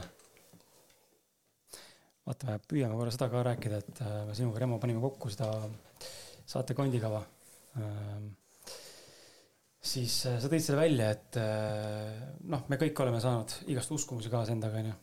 raha kohta on eestlastel ja üldse maailmas väga palju uskumusi, mis ei vasta üldse tõele, aga hakkab neid mõjutama täiskasvanud eas ja mõjutab meid võib-olla surmani mina ise täna äh,, kuulajad juba teavad, onju, maadlen samamoodi selle raha teemaga, mingi asi on seal taustal, mis lihtsalt ei lase mul saavutada seda soovitud küllust, mida ma täna ette soovin kujutada endale või mida ma tegelikult tahaks saavutada ja võib-olla seal on mitte ainult uskumused, vaid seal võivad olla ka puhtalt see, et ma ei oska tegutseda mingis suunas, pole piisavalt distsipliini, mis iganes veel, aga uskumus on kindlasti väga suur alateadlik mõjutus. Äh, rahateemade ümber ja sul on samamoodi onju, et äh, Nõus. äkki tahad natuke sellest rääkida ka, et äh, kuidas see sind mõjutanud on, näed sa täna enda ütleme rahalistes ettevõtluse poole pealt äh, mingit sihukest äh, tendentsi, et, et äh, see, kuidas sa täna asju teed, see on selle X nii-öelda mõnes mõttes nagu põhjus või sealt tulenev ja sa tegeled sellega ja sa näed, et see on paremaks läinud. või vastupidi, uskumus, mis mingi aeg oli, see on tegelikult tänaseks ümber lükatud müüdina nii-öelda, et näed, see pole tegelikult relevantne jutt, täis pask, mis räägiti mulle. kuidas seda näed ja siis äh, jõuame sinuni ka. Kristo, kuidas sinu see mindset on kulgenud selle ümber? me oleme Kristoga sellega samal meelel ja me tuleme ikkagi ühest kodust mm, -hmm. et äh, ma olin kuue, kuues-seitsmeaastane, kui me käisime äh,, käisime Kreekas Kossi saarel esimest korda reis välismaale, väga tore äh,. aga põhiline raha, mida ma olen eluaeg, põhiline raha jah, põhiline asi, mida ma olen eluaeg kuulnud, on see, et meil ei ole raha. meil ei ole raha kõik on nii kallis, et ja see on tänase päevani, see on kogu aeg, lihtsalt muust ei räägitagi lihtsalt kui hindadest, et kõik on nii kallis kogu aeg. et selline, selline dresseerimine on äh, käinud, äh, käinud kogu aeg. kui ma olin kuueaastane, me käisime Kossi saarel, mul kahju, ma tahaks teada, kas see kassett on alles. ma ei mäleta, kas ema karjus mu peale või isa, minu meelest karjus ema mu peale. ma ei mäleta kumb, aga see on videolindis. see on reaalselt video suured need kaamerad olid, mis kaamera oli, see oli kaasas, see oli kuskil kasseti peal, ma ei tea, kus see kassett on. ma nii tahaks seda näha. Kus ema, ma ei mäleta, ema või isa, kumb karjus mu peale, meil ei ole raha. väike kuueaastane poiss tahtis ikka mingit veepüstolit kuskilt eh, saada omale, onju. ja see on mul kuidagi nii hästi, see on mul nii hästi meeles lihtsalt. ja see tegelikult kestab kuni eh, tänase päevani et ma ei kuule, kahjuks, kahjuks ma ei kuule muud juttu, kui lihtsalt hinnad on nii kallid. aga ongi hinnad kallid, nagu elu läheb veel kallimaks. oodake, kuni kaks tuhat kakskümmend neli esimene jaanuar tuleb, siis öelge, et ta on kallis. kui te ei tee midagi selle jaoks, et ei oleks nii kallis või vähemalt oma mindset'iga nii-öelda ei töötaks selle kallal, et asjad ei oleks kallid. et mul on see endal tegelikult ka väga tugevasti eh, sees ja ma olen ülitänulik eh, oma kallile kaasale, eh, kes on mul tegelikult aidanud seda täna väga palju nii-öelda, kuidas ma ütlen, lahti saada sellest. Et ma ei mõtleks niimoodi, et asjad on kogu aeg nii kallid. et tegelikult tuleb leida lahendusi, kuidas neid kalleid asju, siis nii-öelda kalleid asju omale lubada. kui sa lähed poodi vaatad, fuck, nii hea juust vaatad, et fuck, see ei olegi punase sildiga, siis sa ei osta seda, aga sa tahad ja tegelikult sul on raha, aga sa lihtsalt ei osta, sest see on nii kallis. ja see ja minu meelest see on see, kuidas sa ennast piirad mingite asjadega, aga samas iga päev mingi viieteist euro eest õlle osta ei ole üldse kallis. see on fucked up, vot sellest ma ei saa aru, sellest ma ei saa reaalselt aru, et eh, juust on kallis, aga six-pack ei ole üldse kallis ja nonstop iga päev. aga see oli vaata prioriteetide küsimus, onju, kindlasti tuleb taanduma sinna ka ja seesama näide, sa ütlesid ka, et elukaaslane on sind aidanud. mul on nagu samamoodi, et ähm, ma ei tea, ma oleks saanud äh, rahaliselt ajupesu, ilmselgelt ma olen, kuna mul mingi muster on küljes onju, ise, võib-olla mäleta teadlikult niimoodi. aga mina olen äh, ka täna äh, pigem see, kes vaatab, et okei okay,. Fuck, raisk, mul ei ole vaata seda raha selle jaoks. okei okay., ja ma isegi vahepeal ei mõtle, kuidas ma saan onju, mul tekib kohe see piiratud mõtlemine. Fuck, ma ei saa, mul pole kõik putsis, väljas, kõik nägemist. ja olen pahane, onju, kuigi tegelikult see raha on olemas, see täna see ots teha. aga see on kas millegi arvelt või ma potentsiaalselt sean ennast äh, või mõtlen ennast olukorda, kus tegelikult läheb pekki, tegelikult ei lähe, onju. aga elukaaslane on mul sihuke, et ma tahan. ja siis äh, ta kas teeb otsuse ära ja ta saab selle kulutusega hakkama kuidagi või me mm -hmm. koos saame hakkama kuidagi, et tegelikult tulemegi välja, polegi mingit probleemi, mina olen mõelnud, et ma oleks juba kolme, kolme kuu peal surnud, vaata, nälga surnud. tegelikult on kõik jumala okei okay ja ma olen märganud, et tegelikult väga tihti see on otsuse küsimus, just otsuse koht, et kas ma võtan selle vastutuse, otsuse, et ma teen selle kulutuse, onju, me võtsime endale koera, onju. Ei olnud odav koer koer ei olnud odav, aga kas ta täna on kallis sulle? tead, ma olen avastanud ka selle. kas see odav koer on sulle kallis? täna olen avastanud, et koer on kallis, aga ma ei ole koerainimene. mul on suht nagu sihuke, ma olen nihuke neutraalne, et ta kodus on, aga, aga see kulutus on minu jaoks siukene, et holy shit, päriselt ka, mida vittu ma teen. milleks? aga ta oli see elukaaslane see, et aga ma tahan ja ma, ma saan hakkama. ütlesin okei okay,, ise vastutad. mina ei anna, sest mul ei ole anda. muidugi oleks olnud, aga mul oli hirm, et, et ei ole anda. Tänaseks on see makstud onju, ta maksis ise ära selle, onju, sai. et ja ta võttis selle enne, kui tal oli sissetulek nii-öelda olemas onju vaat see on huvitav onju, mina ei oleks kunagi teinud seda. et, see, see raha teema nagu huvitav ja ma tahangi siinkohal eh, suunata, Kristo, sulle ka tähelepanu korraks, et sinu käest küsida sa oled ka noor ja see, see sinul võib siin vabalt muutuma hakata, aga kuidas sina täna nagu äh, raha vaatad, milline suhe sul siiamaani on olnud noore inimesena, kuidas sa üldse vaatad seda? Noor on, muidugi ma disclaimer'ina mõne mõttes äh, kuulajatele pean hoiatama ka, et noored ongi natukene heas mõttes naiivsemad ja rohkem roosade pillidega ka mõnikord. ma olin ka mingisuguse vanuseni väga selline, et noh, nagu me sinuga rääkisime, vaata saangi siin miljoniks varsti ju. noh, ei ole veel täna saanud, mis ei tähenda, ma ei saa, onju, aga mul, minusse on kõvasti tulnud sisse selline kikkinud sisse ennast, pressinud siia vahele, vaata see re- reaalsus nii-öelda onju, et ei ole nii, et ma täna astun välja ja homme olen miljonär. It might happen, it hasn't. ja see nagu omakorda, ma arvan, kinnistan seda, vaata, et fuck, see ongi raske teekond ja la onju, omakorda mingid, hakkab mingid muud mõtted juurde tooma. aga milline sinul see teekond on olnud? ma just, just rääkisin sõbraga eile, kui me nägime Kristiine keskuses valget Porsche't. nagu mu unistuste auto, Remo teab seda, aga paku ükskõik mis muud autot, Porsche on nagu see. aga ma ütlesin sõbra, et, et nagu okei okay,, Porsche, aga, aga mingi siis, kui on õige hetk. ma nagu ka saan teadlikumaks nagu noh, ma võin kakskümmend olla, aga mm -hmm. noh, ma olen natuke raamatuid -hmm. lugenud. ja, ja ütlesin sõbrale, et vot see on see Porsche ja siis ma tundsin, et ma ütlesin talle, aga siis, kui on õige hetk mm, -hmm. mitte esimese asjana laenu peale, onju, see ei käi nii. siis ma rääkisin sõbraga ka ja, ja, ja ongi see, et nagu pead, pead teadvustama. ja aga, aga see raha teema on äh, jah, väga, see, mis Remo rääkis, et ei ole raha, see on nii sügavalt sisse jäänud, aga jälle Remo on see, kes on mulle öelnud, et noh, tegelikult no et pole probleem, onju. aga ma olen ise hästi praegu just viimane aasta aega olen hästi palju endale seda süvendanud, et äh, ma vaatangi, et okei okay,, pähklid on ju ülihead, neli euri pakk, ostad juua ka vii-, üle viie euri läheb mm. -hmm. siis mõtled, et noh, üli, korra käib see, et ülipalju, siis mõtlen, okei okay,, aga ma võtan, ma võtan. ja Mis- raamat mis- juhtuda jah saab?, ei, aga mis juhtub, võtad, maksad ära, ülihead pähklid. nii, ja siis, mis nüüd sai, onju. Et inimesed nagu nii panevad üle ka sellega, et okei okay,, ei olegi raha. Nad tõmbavad energia jah, tõmbavad energiat kinni, ma just enne, kui me siia tulime, ma rääkisin Remoga sellest teemast. et sa, kui ma hakkan ma maast raha leidma, siis sa leiad järgmine nädal aega maast raha mm. -hmm. täna leidsin kaks senti, ütlesin, on rahamagnet mm. -hmm. ja sa tõmbad, tõmbad selle nii kinni endale ja see, et ostmine poest on ju, vahest ostagi, mõtle, et okei okay,, ma premeerin, lubangi endale seda, iga kord ei saa, sa ei saa iga kord saja eurost poes käia, on ju.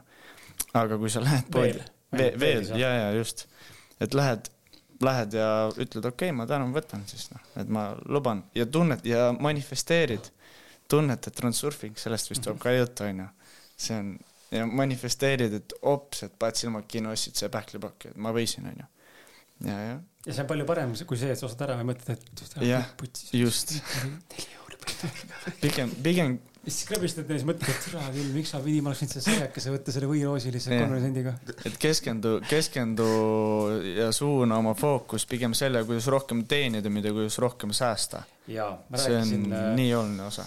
ma olen ise läbi laksanud enda jaoks selle ja ma ütlen, et mul see läbi laksatud on, võib-olla mina vale inimene rääkima sellest, aga mulle tundub ka ja seda räägivad tegelikult paljud edukad inimesed, mitte ainult Eestis, vaid ka välismaal, et äh, lihtsam on mõnes mõttes äh, tegeleda selle raha juurde teenimisega, kui hakata selle säästmisega, onju. Elon Musk ütles väga hästi, mingisugune quote oli tal vist ka, et it's easier to earn ten thousand dollars rather than mingi, mingi save Spend it või spend it, nagu see on, see ongi see koht, vaata, et noh.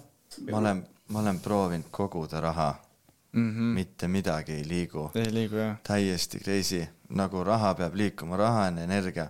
olgugi, olgu täna on võib-olla null pangakonto peal, onju, aga ma tean, kuhu ma selle panin. Ja ma tean, et homme tuleb see jälle tagasi. raha kogu aeg ringluses, reaalselt, ma ei suuda, ma kogusin, ma katsusin reisi budget'it koguda nagu. kogusin vist mingi viiesaja euroni ära. Ja siis ma mõtlesin, midagi läheb, midagi on siin väga valesti, ma, ma ei saa, ma ei saa, ma ei saa niimoodi, et raha kuskil seisab lihtsalt. okei okay,, pane kuskile krüptosse, osta mingeid äh, aktsiaid, äh, osta mingi raamat, käi kuskil äh, üritustel, on ju, pane see raha lihtsalt ringlusesse kogu aeg. et nagu Kristo ütles, et leiab, leiab raha, nagu mul on sama teema. ma lihtsalt, kui ma leian maast raha, ma, ma ütlen seda, et thanks, ma olen rahamagnet mm. -hmm. ma lihtsalt olen rahamagnet ja üks, kak-, ühesendised, kahesendised, kolmesendised, neljasendised, viiesendised, vahet ei ole, on see üks sent, sa oled rahamagnet. ja see toimib ja. ja raha, raha peab meeldima ka mm. -hmm. nagu noh, ma jälle, ma olen noor onju, ma ei tea, kuidas tegelikult elu käib, aga mida ma teen, kui ma saan mingi raha, viiskümmend euri midagi, siis krõbistad nüüd, hoiad käest, nuusutad mm., ah, mõnus, mõnus. väga paljud inimesed ka saavadki, ma ei tea, oma kuupalga asja ja siis nad ongi, nad ei tunne lõbu, nad ei tunne rõõmu, mitte mm. midagi. on, on ju, saavad selle kätte poes, on ju, mõtled, raske siis ongi see, et see nagu tegelikult sulle peab meeldima see. väga tihti sa ei katsugi raha, sest sul on digitaalne, aga kõik on ju Fiat digitaal, kaard, kaardi peal onju. noh, kaarti suhu ei pane onju ja lakku seda ju, muidugi võid, aga see ei anna seda, see ei anna seda. oleneb, mida sa selle kaardiga teinud oled. aga tead, rääkides äh, transsurfingust Kristo on, äh, Kristo on nii tagasihoidlik tegelikult, et kahe, et kahekümne aastane, tegelikult äh, vähe on selliseid kahekümne aastaseid teadlikke, kes on nii palju juba teinud, et äh, et tegelikult see on märkimisväärne, kui palju ta ise teeb, ise pingutab, ise katsetab, ise ämbreid. ja selleni ma tahtsin just jõuda, sest minu teekond, vaata sina Remo vist, äh, jälle ma ei tea, aga mul sinu järgi jutu järgi aru saanud, sa jõudsid enesearengu, ütleme siukse retrospektiivse enda ülevaatlemise, tõsise arengu, teadliku nagu panustamise sellesse enesearengusse jõudsid ikkagi suhteliselt hiljem. Võrreldes oma vennaga näiteks onju. ja siis, kui sama vana kui Kristo praegu no, on, ütleme niipidi jah. et äh, mina hakkasin ka üsna noorelt samamoodi asju vaatama ja, ja lugema, uurima äh, ja mingid asjad on loomulikult etapiti mõjutanud rohkem kui noh, mingid raamatud on rohkem mõjutanud, mingid filmid rohkem mõjutanud mingid kontaktid on väga rohkem mõjutanud kui teised, onju. aga ma näen, et äh, mulle tundub ja ma võin eksida, aga mulle tundub, mida varem sa saad mõnes mõttes järje peale nende teemadega, mis, mis sa täna loed, eks ole, või uurid, olgu siis raha kohta, ettevõtluse kohta, tervise kohta, mingisugune longevity, mis iganes muud teemad kuidas olla normaalne inimene onju, kuidas need erinevad alternatiivsed võib-olla maailmavaated töötavad, sest et see maailmaruum on väga kirju onju, mis elu tegelikult pakkuda võib, teinekord juhtuvad asjad, mis on täiesti ulmelised. mõtled how the fuck that happened onju, aga need juhtus. No explanation selle asjale. et äh, mida varem sellega pihta hakata, seda, seda suurem minu meelest nagu stardiläve vakk. sul on nagu väga suur eelis. tänu sellele ka mõnes mõttes, et sul on vend, kes saab anda nagu seda kogemust mingi määral suunata onju ja teistpidi sul endal huvi ka, ma ei taha ära võtta sinult äh, seda nagu kredibiilsust, et nüüd on kõik Remo nagu mõjutusena. Kindlasti mitte, see on su enda alge on ju, sinu enda tegelikult see sissekirjutis nii-öelda, mis tegelikult tahad tunda, kogeda. aga et on hea, kui on olnud influence ja need teemad, millega täna tegeled, on kättesaadavad juba praegust, et väga paljud, ma ei tea, palju sinu sa enda ümberringi vaatad sõpru, paljud sul on, kes tegelikult päris tunnevad huvi mingite eluliste teemade vastu? see on äh, väga hea teema, mida puudutada. sest mulle tundub, see protsent on endiselt väike, see on minu ajal väike juba. see on nagu mind teeb väga kurvaks see, kui, kuidas nagu noh, okei okay,, noored pidutsevad asju, on ju, ja, ja okei okay,, võid olla nagu raha mindset'iga, aga kas sa päriselt ka oled? et väga-väga äh, vähe noori või siis ma ei ole neid veel leidnud, tänasel päeval hakkab tekkima see keskkond, kus on endavanused noored, kes on like-minded, on ju. aga, aga see keskkond ei, no kuni tänase päevani mõned aastad ei ole olnud seda keskkonda, ongi, olen üksinda, lugesin raamatuid vahepeal mediteerisin, vahepeal mitte. Äh, kõik siuksed asjad siis, kõik sai alguse esimesest raamatust mm. -hmm. Ma arvan, siit kahesaja viiekümnest, kakssada seitsekümmend podcast'i kindlasti on see raamat kuskil läbi käinud, Rikas isa vaene isa, kuskil on kindlasti läbi käinud. nagu ikka algas sealt, onju. jaa, klassika. aga hea raamat, pole noh, midagi öelda ja sealt hakkasin raamatuid lugema ja siis mingi hetk, mis mulle väga meeldib öelda, on see, et et, et kui sa hakkad hakkad raamatut lugema ja loed edasi raamatuid, sa oled nagu ütleme siis omas mullis, omas fookuses. In the zone. jah yeah,, in the zone, just, väga hea sõna, ma ei olegi nii mõelnud. loed raamatuid äh,, oled positiivse mõtteviisiga, oled inimestega, kui on võimalus, kes on like-minded, oled seal fookuses, siis asjad hakkavad ise juhtuma mm. -hmm. hakkadki ja mul oligi niimoodi, täna nii palju raamatuid ei loe, täna ma rohkem tegutsen aga ongi see, et oledki fookuses, õige keskkond, õiged raamatud, õiged soovitused, õiged inimesed, äh, kõik siuksed asjad ja siis asjad hakkavad ise juhtuma, reaalselt hakkavad juhtuma. Nagu ma olen küll kakskümmend, aga ma olen seda natuke kogenud. täna kogeb seda Remo kindlasti suuremal määral, sest ta on vanem ja rohkem kontakte, kõik siuksed asju, aga mina, mul nagu hea olla, hea olla nagu jah, et alguses olen juba selles punktis kuidagi. mulle meeldib äh,, segan siin vahele, mulle meeldib see mõte, mis mul pähe praegu tuli just selle koha pealt, et sa näitena vaata sa ütlesid väga huvitava asja, et sa koged, et, et Remo äh, kogeb nagu teisi asju, kui sina koged onju ja ma arvan, et sellel on üks põhjus, see põhjus on see, et äh, mis ta, vastavalt tasandile mängime, onju, et äh, ma toon nagu see näite sellise alternatiivse näite, kui mina, sa lähed jõusaali, lähme koos jõusaali ja oletame, ma ei tea, palju sa rinnad surud? mis on su raskus, mis sa teed? sada, sada maksimum. okei okay., ja me, okei okay,, nii sott. mina ütlen, et võib-olla teen seitsekümmend viis ühe korra ära, onju, oletame. nii. Nüüd seitsekümmend viie kiloga surudes ühe korra on mul täpselt sama raske kui sotiga surudes sul ühe korra mm. -hmm. see raskustunne on meil võrdne aga sul on lihtsalt rohkem jõudu tõsta suuremat raskust, aga see tunne, see suhe nii-öelda raskuse mm -hmm. all on meil täpselt võrdne, ei ole mul raskem ega sul kergem. ja ma olen, ma hakkan mõtlema, et ja natuke ühes saates rääkisime ka sellest, äkki oligi eelmine saade Valla Arumäega, kus rääkisimegi sellest samast asjast, et äh, need rahamängud on ka erinevad ja need tasemed on erinevad. Ja isegi kui meile tunduvad teinekord, et äh, kellegi mängud on nagu tähtsamad, siis mõnes mõttes võib-olla nagu, mulle meeldib seda vaadata kui arvutimängu on ju, et elu ei ole nagu level unlock inud veel enda jaoks, et noh, sina täna mängid endale relevantsete asjadega, mis on sinul täna saadavad. sina mängid natuke teiste nii-öelda töö, tööriistade mänguasjadega onju, olgu ta siis ettevõtlus või sul on lihtsalt mingisugused näiteks, ma ei tea, a la õpilasfirma ja ettevõtlus on ju väga suur vahe. üks on MTÜ, OÜ on ju, okei, no ma lihtsalt toon näite võib-olla onju, et see on see koht vaata, et, et ähm, ei tahaks, et sa ennast tunneksid vähemana oma kogemuste juures, need tulevad mm. -hmm. aga just ongi see pool, et nagu aru saada, võib-olla, et täna ongi teine situatsioon, ma veel ei ole täna veel sellisel tasandil juba onju just Kristo, Kristo sai oma laksud sisse seal äh, Pärnu maanteekoolis, mis see oli, kui sa oma äh, seda, sa tegid selle. aa, ja, ja, see on äh,, süsteem on see nimi äh,, seal Väänõ-Jõesuu koolis oli mm. see. kuues, kuu, viis, kuus klass, viies-kuus klass äh,. Feature spinnerid, onju mm ja mulle meeldis puutöö, mul on alati käsitöö väga hästi välja tulnud, pildistamine, puutöö, maalimine, joonistamine, mida iganes. juuksur, mul on oma juuksuräri mm, -hmm. on ju, käsitöö. siis äh,, siis ma tegin feature spinneri käsitsi, kõik top notch on ju. puidust? puidust, mhm. puidust mm -hmm. ja siis need äh, kuullaagrid. jah, kuullaagrid olid sees, töötas väga hästi. ja siis äh, müüsin äh, mingi noorema poisile maha viie euro eest. ma ütlesin, noh, nice business, nii see käib. siis tuleb paari tunni pärast direktor et sa müüsid siin mingi fidget spinneri, et anna raha tagasi. et anna, et koolis ei tehta nii.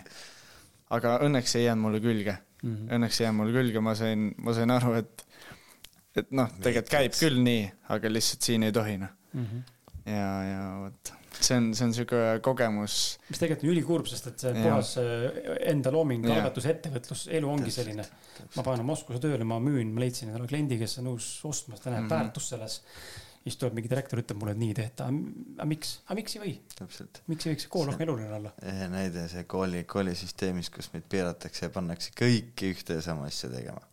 Et eh, kui sa vähegi ettevõtlik oled mõtled teistmoodi või käitud teistmoodi, siis äh, sa ei ole ühiskonnakõlbulik mm. -hmm. aga see on hea näha, et see hakkab muutuma et see hakkab muutuma, see pilt on tegelikult eh, viimase viie aasta jooksul läinud juba tegelikult päris heaks. või siis on enda keskkond lihtsalt ka niivõrd hea juba, aga tegelikult täna üks eesmärke ongi lihtsalt tõsta ka inimeste teadlikkust, et saab teistmoodi ja ongi vaja teistmoodi. vanad süsteemid ei toimi enam. jah, eks ta nii ongi ja, ja ma kindlasti siinkohal ka mõnes mõttes nagu ei tee maha eh, klassikalist haridussüsteemi. sa oled tegelikult, ma saan, tegelikult oled täna, kus sa oled lõpetanud lõpetasin äh, spordikooli jah, gümnaasiumi, nüüd mm, -hmm. nüüd läksin äh, siis majanduskooli õppima ärikorraldust no., sest ähm, mulle meeldib äri mm, -hmm. onju. ja see on sessioonõpe, saan trenni teha, kõik siuksed mm -hmm. asjad.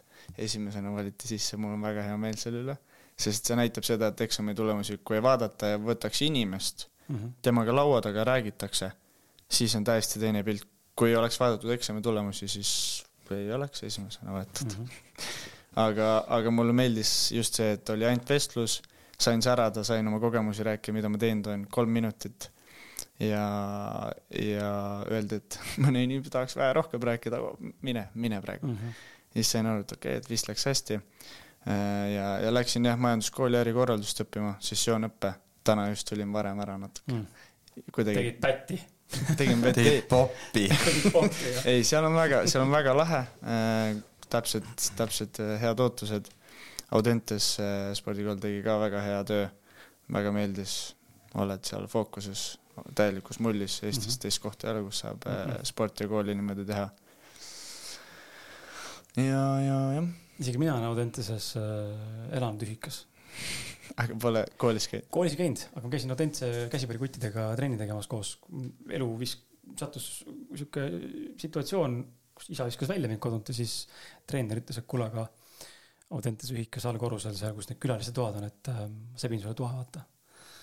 Siis ma siis tunnis ei käinud, aga, aga elasin Audentes ühikas ja tegin trenni seda Audentse poistega, siis vahepeal käisin Lasnamäel enda klubis trennis ja mingi sihuke periood oli, siis ma nägin seda mul tekkis nagu see tunnetus ja vibe sellest autentse kooli olemusest ja elust, et sa oledki sportlane, samal ajal õpid, aga sa saad nagu, noh, sa oledki nii isoleeritud. mul oli, mul oli kartus, ma ütlesin üheksandas, kaheksandas, kaheksandas klassis, ma ei lähe mitte kunagi Audentesesse. siis ma mõtlesin, see on nagu laager, nagu Mm, mm, raske mm. -hmm. et oledki nagu kaks trenni päevas, ma tegin kolm korda nädalas muidu. Seal on nagu kahe päevaga teed sama asja ära. siis ma ütlesin, et ma ei lähe mitte kunagi. ja siis järg, siis kui ma läksin, siis üks sõber, veits vanem sõber ütles, et noh, sa ütlesid, sa ei lähe mitte kunagi. ja nüüd ma söön oma sõnu, see oli väga mm. -hmm. väga lahe kogemus. kõik sportlased kindlasti soovitan minna aga seal pead ka olema fookuses in the zone ja kui tahad, kui tahad, siis saab, see on koht, kus saab jah. aga seal vist ei olegi valikut, selles mõttes sa paratamatult saad osa distsipliinist, kõigest muust, seal on, seal on minu, mulle tundus, et seal on nagu veel tugevam see eh, kamba mentaliteet sportlaste seas on ju noh, kuna te koos lähete ja teete mm, Mhm. -hmm. see on just nagu kehalises kasvatus tund mõnes mõttes, sa ei saa mitte minna, sest et sul on lihtsalt kohustus minna sinna, nagu aga see siis. sõltub väga palju inimesest ka. Mm -hmm. kui sa, kui sa tõesti ei taha minna, siis sa leiad viisi, et mitte minna. kui sa tahad minna, siis sa lähed ja oled eeskujuks ja Mhm. mm -hmm. Kõik siuksed asjad ja kui sa ei taha, siis sa ei lähe ja igal pool on niimoodi. sul võib olla ükskõik kui hea keskkond, kui sa enda peas ei tee selgeks, et sa tahad mm, mm. -hmm. kõik siuksed asjad, siis, siis midagi ei muutu. see on see otsuse koht onju, kas ma tahan või päriselt ei taha. me rääkisime transurfingust, ma tahan korda kuulda, kuidas äh, teil sellega läinud on, selle praktiseerimisega ka, aga ma toon näite siia, ma ei ole seda teile ilmselt rääkinud, ma ei tea, sa ei ole kuulnud ka, ma olen seda podcast'is korra rääkinud. sa ütlesid meile Porsche'd, mulle ka, lemmikauto on Porsche Taycan. Taycan või Panamera, üks viis, kuidas sina saad täna endale lähemale tuua Porsche't, on äh, kuidas? kingitus.ee võib-olla. siis teine variant, ma mõtlesin ka selle peale, kuidas saaks teha onju, kingitus.ee. siis karjus pähe mulle, kurat, aga meil on esindus ka ju Mhm. nii et esinduses sain teha proovisõitu tasuta. soovitan kirjutada, nad tahavad küll kaks aastat juhiluba saada sul äh, ja siis, siis, siis, siis kirjuta, vaata, kas saad, aga mu kogemus oli hoopis teistsugune läbi Transurfingu niimoodi, ma sõitsin enda autoga, millega teie täna saite sõita ja siis istun roolis ja tunnen, et äh, on nagu rahul autoga, jumala kihvt sportversioon, kõik on tore, aga tegelikult nagu tahaks Porsche kogeda, siis mõtlesingi, et persse, kuidas ma saan täna Porsche kogeda? Nüüd praegu, kohe nüüd. raha, et osta seda pole, onju, liisingusse võtta ei suuda Lähen mängin esindust lolli või, et no tahaks osta, eks ole, noh. enne kui ma siis olin proovinud esindusautot, tegelikult ei teadnud, et lihtsalt proovis ikka olemas on, ma arvasin, peab mängima lolli, vaata, et ma tahaks ikkagi noh, potentsiaalselt osta siis ikkagi kallimat siit seda, et aga teeks äkki testsõitu ka või, noh, ma ei viitsi valetada, vaata mm. -hmm. ja siis mõtlesin, okei okay,, aga mul tuttav ikka pole, rentida päev on neli-viis sotti, kaks-neli tundi, et jube kallis. või noh, kas see nagu, okei okay,, kogemus küll, aga tundus, et nagu ei, ma ei, ma ei näe mõtet. ja siis sõitsin ja siis lihtsalt tuli, lihtsalt tuli teadmine aru, tuli teadmine, et kui ma olen tänaval järgmine kord oma elus või parklas ja ma tulen autost välja või ma lähen autosse ja minu lähedal on Porsche, minu auto lähedal ja keegi väljub sellest või keegi läheb sellesse, sama hetk kui mina olen seal. ma lähen juurde, ütlen, et tere, sa võid Porschega sõita.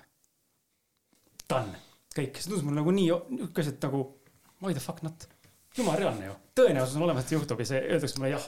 ja on tõenäosus, öeldakse mulle, kuule, tee puhka jalga. kutsuti politsei sulle jah, Eestis. unustasin ära selle, unustasin ära selle ja elasime elu edasi ja siis äh, ühel päeval olen popkohvikus, see oli suvel vist, popkohvikus ja, ja jätsin naisega hüvastada seal tööl ja, ja siis äh, lähen välja ja laps ja koer on ka ja kõnnin auto juurde, minu ees väljus üks mees, minust kümme aastat vanem äkki tundus. ja kõnnib üle tee tänavasse, vaatan, ta läheb halli Porschesse. ja mul oli see, et ütlesid lapsele, et hoia koera. see on ju see hetk, see on ju fucking see hetk, ta on siin tänaval mu kõrval, ta läheb Porschesse ja ma kuulsin leti taga, et rääkis eesti keeles äh, omanikuga. siis mine perse, see on see hetk, aga mul on laps ja koer. et oo kuule, ma tulen laps perega autosse, tahaks sõita. ja siis ta läks minema äh, niimoodi, et ma ei tegelenud sellega, ta läks minema, tundsin ennast ülisitast, istusin autos, mõtlesin, fuck, Rais, Kris, kuidas sa ei julgenud nagu minna lähedale, see tegelikult oli otsus ja kindel värk, et siis teed, kui see juhtub ja juhtuski. istusin maha ja mõtlesin, et okei okay,, aga kuidas ma siis, kuidas ma saaksin ja mulle meeldis, aga ta rääkis ju omanikuga juttu. kirjutasin omanikule, ütlesin, kuule, anna mulle Porsche, on täisnimi. sain ta nime, kirjutasin Facebooki ta selle loo ära täpselt sama loo onju, et kui ma näen kedagi blablabla bla, bla, bla, siis ma toon juurde, kui ma julgen tulla, mul on laps ja koer jälle. ja siis lõpuks küsisin, kas võin Porschega sõita ja vastas mulle kaks, poolteist päeva hiljem, et tšau, Kris, muidugi.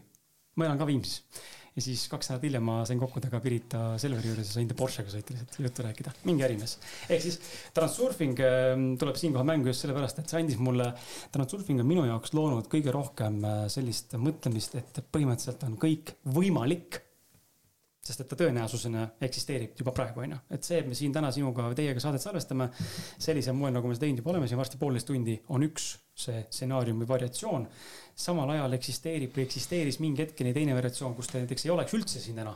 või oleks saade läinud pekki, me poleks hakanud salvestamagi või oleks läinud siin tülli saate ajal. kõik variandid on laual, seni hetkeni, kuni juhtub üks. veel on aega. veel on aega, onju, et veel on mingi variant, onju et aga ma tahaks äh, natuke mainida transurfingut, et äh, see on ka teie elu, elu lõpuks jõudnud ja, ja ma tahaks nagu kuulda, kas ja missugust mõju ta on avaldanud või, või kuivõrd ebameeldiv või hea oli seda vastu võtta, sest et ta paneb natukene nagu raputab minu meelest seda maailmavaadet.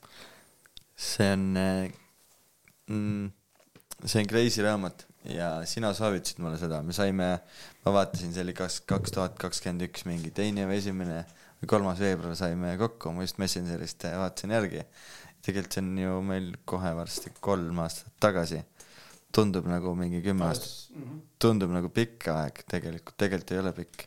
aga see, mis selle aja jooksul muutunud on, mis nagu transformatsioonid, mis muutused on tegelikult äh, elus äh, käinud ja see minu meelest kõige olulisem selle asja juures on see, kuidas see raamat tegelikult üldse tuli mu ellu see on kõige haigem story üldse. et kohe, kui ma tulin sinu juurde, ma olin enda deep shit, ma olin täiega augus omadega, täiega.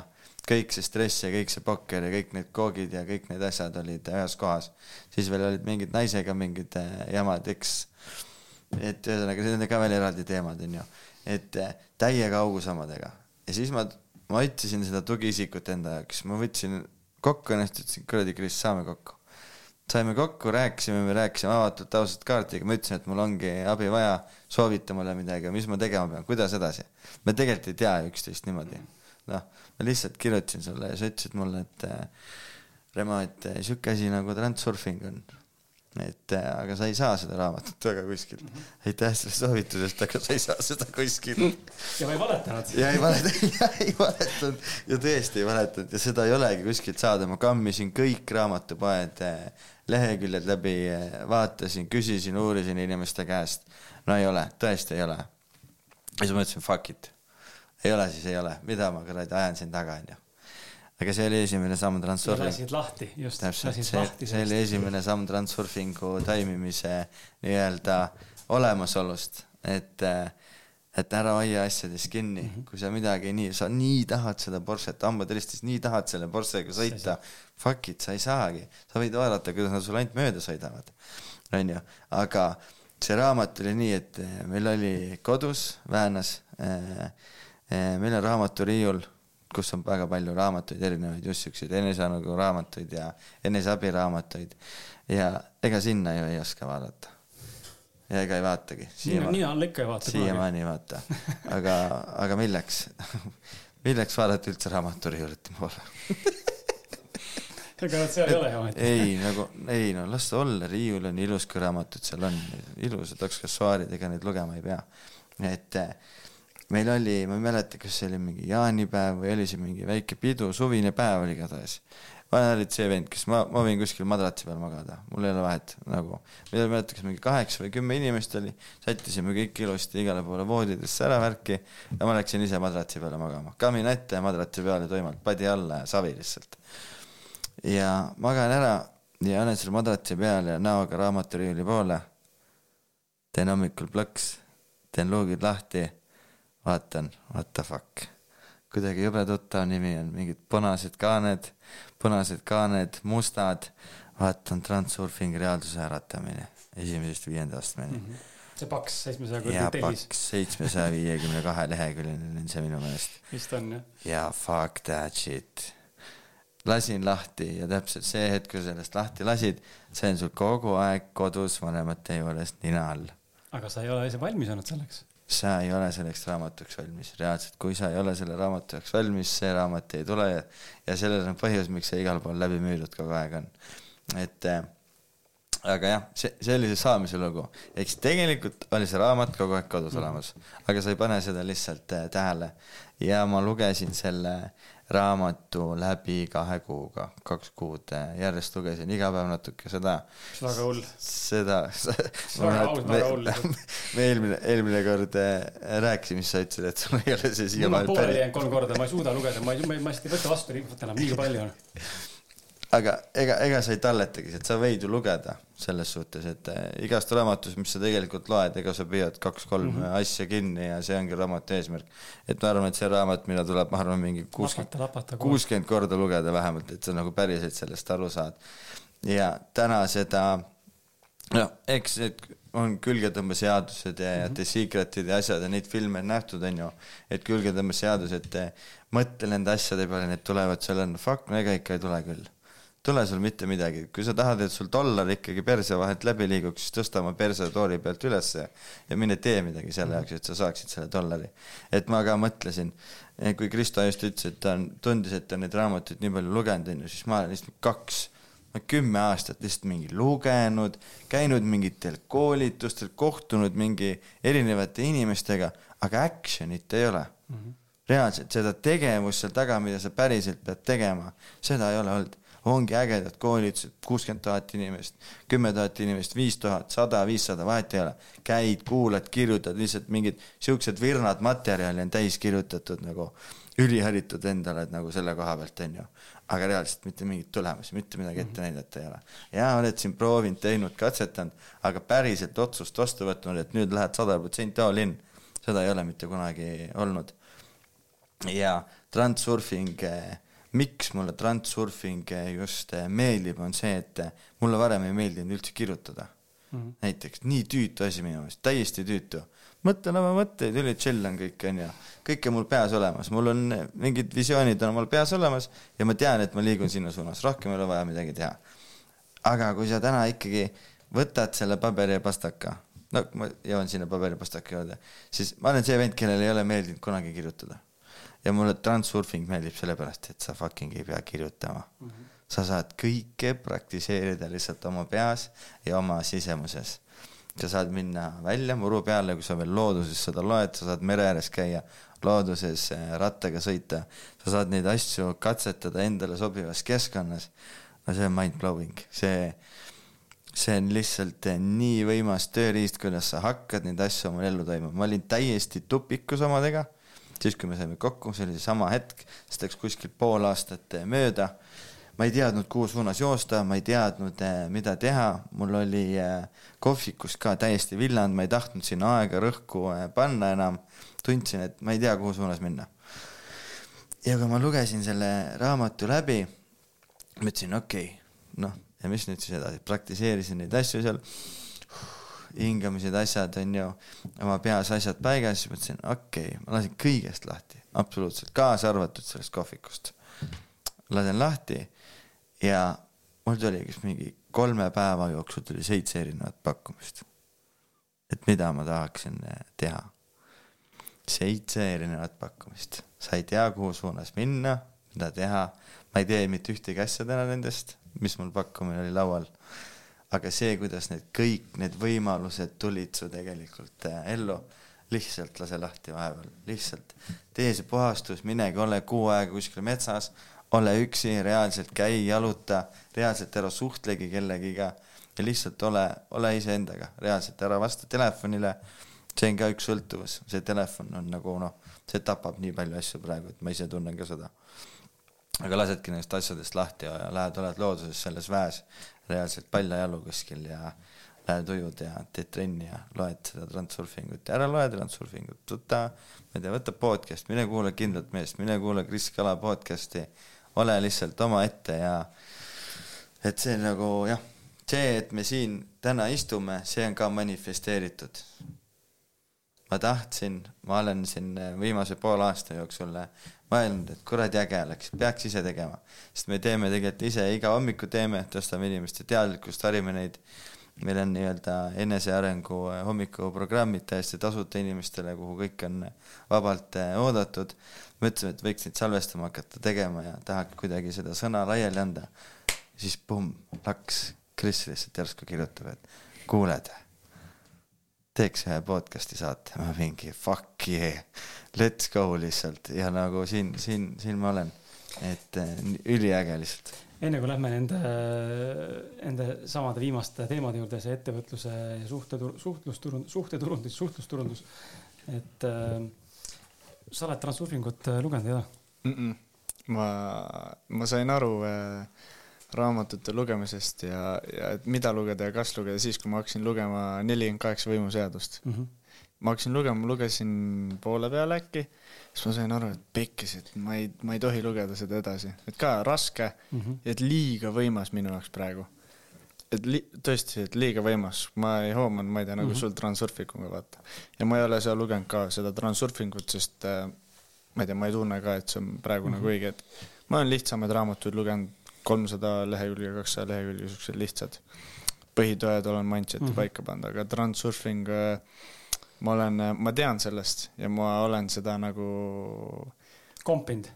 kompinud jah, ütlen natuke, natuke tundnud, spordis on see, see, et äh, manifest-, manifesteerimine ja transurfing on nagu üks, käivad käsi, käsikäes. siis ongi see, et ka tõe, teadlased on tõestanud, et enne võistlust manifesteeri, et sa oled juba võitnud, vaata mm. -hmm. ja siis spordis on see jah, kogu see manifesteerimine ja, ja oma mõtete nagu puhtaks tegemine enne võistlusi, et, et kogu aeg tulevad, et äkki ma kaotan kõik siuksed mm -hmm. asjad mm -hmm. nagu. ja see on nagu noh, kõik mediteerimine, manifesteerimine, transurfing. natuke olen kompanud, tundnud, aga küll üks päev samamoodi jõuab see minu mingid, mingid teed pidi. mitte mul ei ole, ma ei taha, ma ei saa, mul ei ole, mul ei ole võimalusi, vaid ma saan, mul on. ja, ja see, ja see toimubki nii, mul on, ma elangi külluses samamoodi, et. Äh, ja usaldada teinekord, ma olen ise näinud seda ka, mitte ainult transurfingu pealt, aga just nagu peegeldusena. et uh, usaldada seda, et uh, ma ei pea teadma, kuidas. ma ei pea alati teadma ja tihtipeale mõistusega ei mõtlegi välja asju, noh, sest et need asjad on nagu täitsa lamb, ma ei oleks elu sees hakanud paberile kirjutama seda, et aga äkki küsin kellegi käest sõita. see ei ole, see, see ei olnud nagu option'gi, siis mm -hmm. tuli mulle, aa, sihuke variant on ka olemas, okei okay. et või, või kui mul on siin, inimesed küsivad, kust raha saada, onju, mul on siin podcast'i ajaloo jooksul inimesed kirjutanud küll, et Kris, kuule, sa oled nii häid saateid teinud, tahaks sulle raha annetada. kus su kontonumber on mm.? aa, okei okay., nii saab ka raha saada, keegi seda annab sulle raha ei teadnud, aga siis see rikastus ja nüüd on see minu jaoks reaalne üks variant, onju. käin tööl, investeerin, keegi annab ka raha mulle ja siis veel asju, onju. sest minu reaalsus on see juhtunud. et ma ise esimest korda, mina kuulasin Transurfingut kaks korda läbi inglise keeles, lihtsam oli. audio podcast. oli lihtsam raamatut e-raamatuna läbi võtta või audioraamatuna läbi võtta. ja paremini aru saada isegi nendest, kui eesti keeles lugeda. lugeda ei ole suutnud läbi seda, aga kuulata on kaks korda jõudnud. Aga esimest korda, kui Transurfingu kokku puutusin, oli umbes sinuvanune ja võtsin raamatu riiuli kätte raamatupoes ja lugesin ja ma mäletan, et tundus mulle see gibberish, ma panin käest ära, mõtlesin, et holy shit, see on nagu next level, ma ei saa mitte sittagi aru, mis ta kirjutab. reaalsuse äratamine, mingi what the fuck lihtsalt, tundus huvitav, aga ma ei saanud aru ja panin käest ära. ja kümme aastat hiljem tuleb ta mulle nagu niimoodi jõuga läbi erinevate inimeste.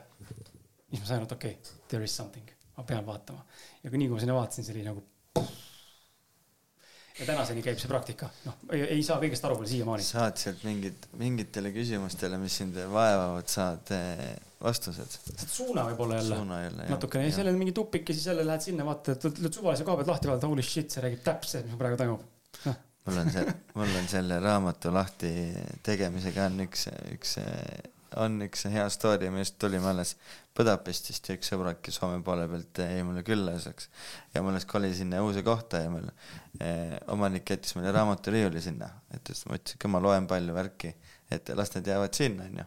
siis ma ütlesin, kõik, kes mulle täna külla tulevad, ma ütlen, et ole hea, et mine sinna raamaturiiuli juurde, võta sealt üks mm -hmm. raamat omale ja lihtsalt ütle mulle lehekülg ja ma loen sulle, mis selle esimene lause on.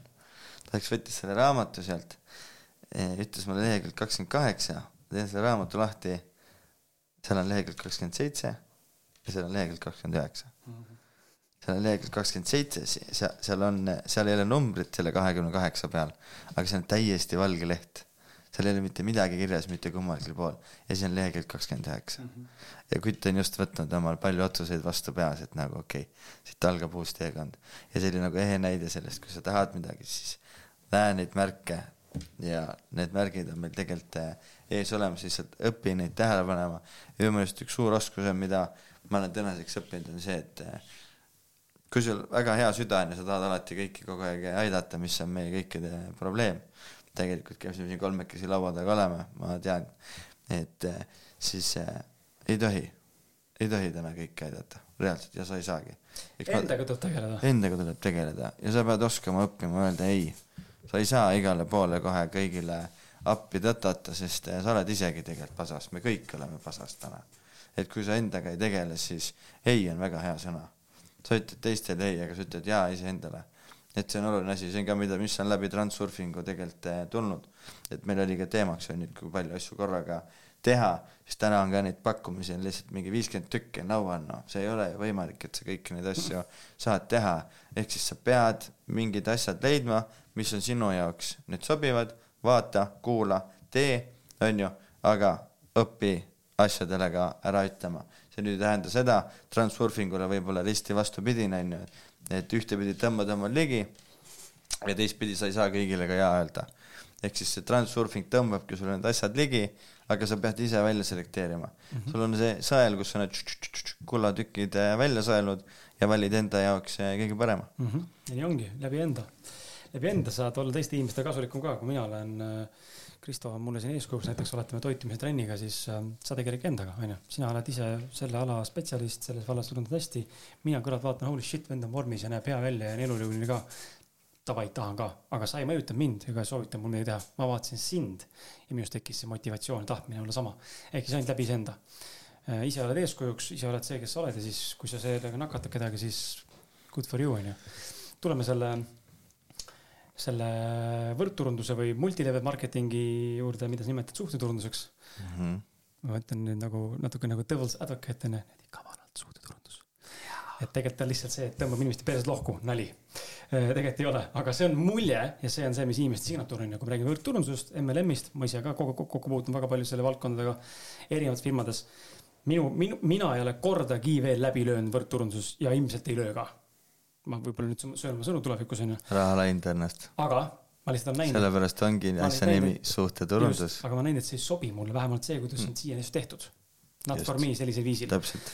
ja nüüd ma küsingi sinu käest, et mis, mis see on siis, millega sa nagu tegeled, kuidas sa siia lõpuks nagu sellisele tasandile jõudsid, selle ärini jõudsid, sa ütlesid, et teete neid hommikukõnesid, eks ole, kellele te neid kõnesid, ühesõnaga räägi nagu natuke üldistavalt, mis pilt see on, ma saan aru, et sina oled ka osa sellest mm. -hmm. Te olete mõlemad osa sellest, onju, et palun rääkige mõlemad siis üksteist täiendavalt. mis asi see on, mis te täna teete, mis võimalus see on ja see ei ole nüüd see koht kuulajale, et on nüüd reklaami koht, vaid kuna ma ise ka midagi ei tea, siis ja ma nagunii tahan minna sellesse teemasse sisse, siis ma sellepärast siia sisse toongi just sellisel viisil, et nagu räägime puust punaseks, mis asi see on. ei pea nüüd seda commission süsteemi siin hakkama lõpp, lõplikult lahkama, eks ole, punktist A punkti Z-ini, aga mida te nagu täna, mille, mis, mis, mis ärisõime te täna ajate? Te räägite mingitest konverentsidest, kus on mingid kümned tuhanded inimesed, kes käivad kuulamas, sa alles korraldasid ühte asja Hilton hotellis, eks ole. me kõik koos. mis see on? mis see on mm,? sa esitasid, sulle meeldib nii pikki küsimusi esitada uh. -huh. esimene osa läheb juba meelest ära, kui mis järgmine mõte tuleb. aga tegelikult üleüldiselt äh, ikkagi soovituse võrkturunduseni, ma olin üheksateist, kui ma esimest korda sattusin selle otsa, et äh, mul ema sõbranna äh, kutsus mind äh, ühele tervisetoote esitlusele. Ja tegelikult, kui ma nii võtan, siis seal oli ka manifesting juba enne seda taga. ma töötasin üheksast viieni elu parimas töökohas, ma sain tinti panna ja tahmas olla ma täitsin, täitsin, täitsin äh, printerite kassette, tahmakassette ja tindikassette siis. ja ma olin mingi poolteist aastat seal üheksast viieni ja ma lihtsalt küsisin, reaalselt iga kuu küsisin palka juurde, mis sa arvad, kas ma sain. ma ei saanud, ma otsisin seda väljundit ja siis tuli see tervisetoodete teema jõudis äh, minuni. ma käisin, kuulasin ära, mul oli sellest tootest täiesti savi. reaalselt, mulle lihtsalt meeldis see, et mis mõttes kutsud kolm inimest ja ongi kõik äri tehtud, mitte midagi ei pea tegema rohkem. ja see on see, kuidas minu esimene mentor mind, mitte see, kes mind kutsus, vaid siis teine, kes siis oli siis nii-öelda seal juba edu, edu, spiiker jah, kes oli seal edu saavutanud, et kutsud kolm inimest ja midagi ei pea tegema lihtne, ema. lihtne ongi. jah, täpselt, ema, vana. ema nii lihtne ongi. ema, vanaema ja naine ja let's go ongi kõik tehtud. ja siis mõtled nagu noh, ja edasi, noh, ja mis siis edasi. see on peretankis noh. jah, peretankis täpselt, pere, peretankis ja ja tegelikult ju reaalsus, reaalsus on ju täiesti midagi muud, et sa pead läbi pasatule ja vee ikkagi tulema ja et tegelikult on täna see, et kuidas sa ikkagi üles ehitad ja miks, miks ma just nimetan täna seda, mida me teeme, nimetan eh, suhteturunduseks, ongi see, et eh, see on ainult, see on nagu, USA-s on see lollide inimeste äri, network marketing ongi tulnud USA-st. See ongi lollidele, see on suhtlemise kõige, kõige lihtsam asi maamuna peal tegelikult üldse, mida teha. ja see on tegelikult meile sisse kodeeritud. kui nagu Kris käib kuskil pitsarestoranis, saab räigelt hea pitsaelamuse, sa ju räägid mulle sellest mm. -hmm on ju, see on tegelikult kõige lihtsam asi maamuna peal. et nüüd, kui keegi saab selle soovitamisest kuskilt lihtsalt mingi plekki või vahendustasu, siis see on kohe skämm. See on täielik skämm, aga kui sa autot lähed kuradi tankima kuskil on ju ja keegi kuskil raha teenib, siis, siis see ei ole skämm. see ei ole skämm, ostad poest hambapastat, see ei ole skämm. kui maksu maksad kuus korda ühe asja eest, siis ei ole, see ei ole, see ei ole skämm, jaa.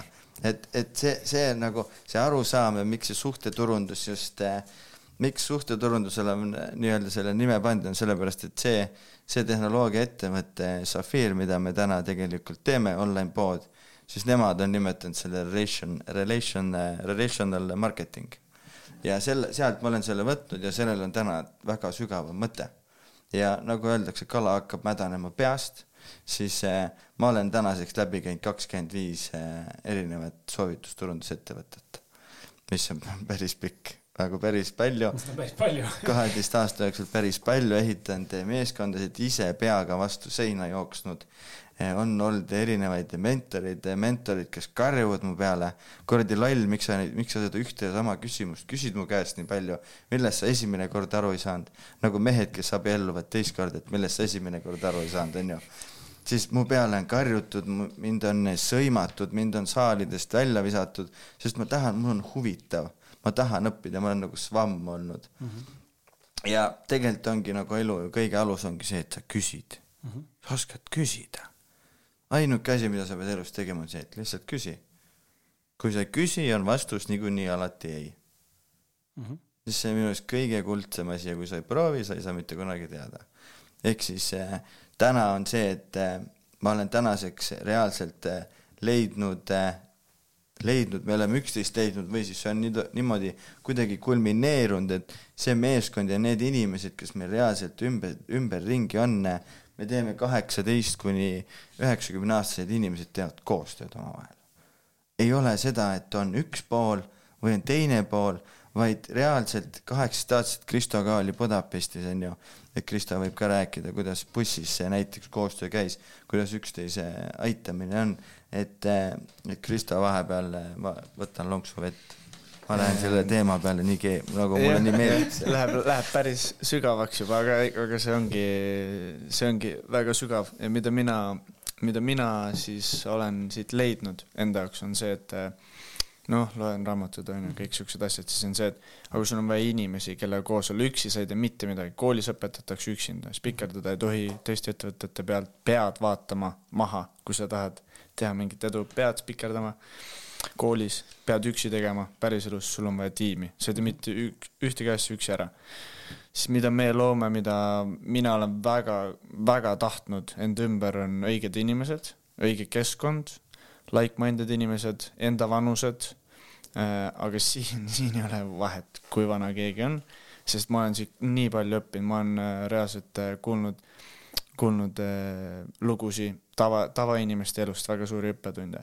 aga minu jaoks on see see, et ma olengi like-minded keskkonnas, vahet ei ole, mis me teeme, me oleme täna, täna olemegi lihtsalt keskkonnas, jagame energiat äh,, aitame, aitame ükskõik mis valdkonnas, et me ei, me ei tee siin ainult ühte asja, vaid me oleme nagu ühtne keskkond ja, ja minu jaoks ongi see, et see on nii, nii, ütle mulle, kes on viis inimest, kellega sa oled ja ma ütlen, kes oled sina mm. -hmm ja see, ja see on minu moto täna ja ma olen täna seda loomas. Vahet ei ole, kuidas ma olen seda loomas mm. -hmm. ja see on nagu ja, ja ma olen võt-, võtnud selle nii suureks motoks endale.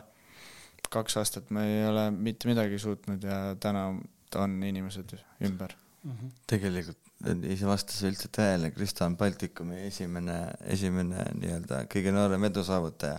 et ei saa öelda, et ta ei ole midagi saavutanud ja ta tegi seda reaalselt kooli ja trenni kõrvalt kaks trenni päevas, pluss ta lõikab juukseid, pluss ta õpib Forexit, pluss ta õpib krüptot, pluss me teeme koos Zafiri online poodi.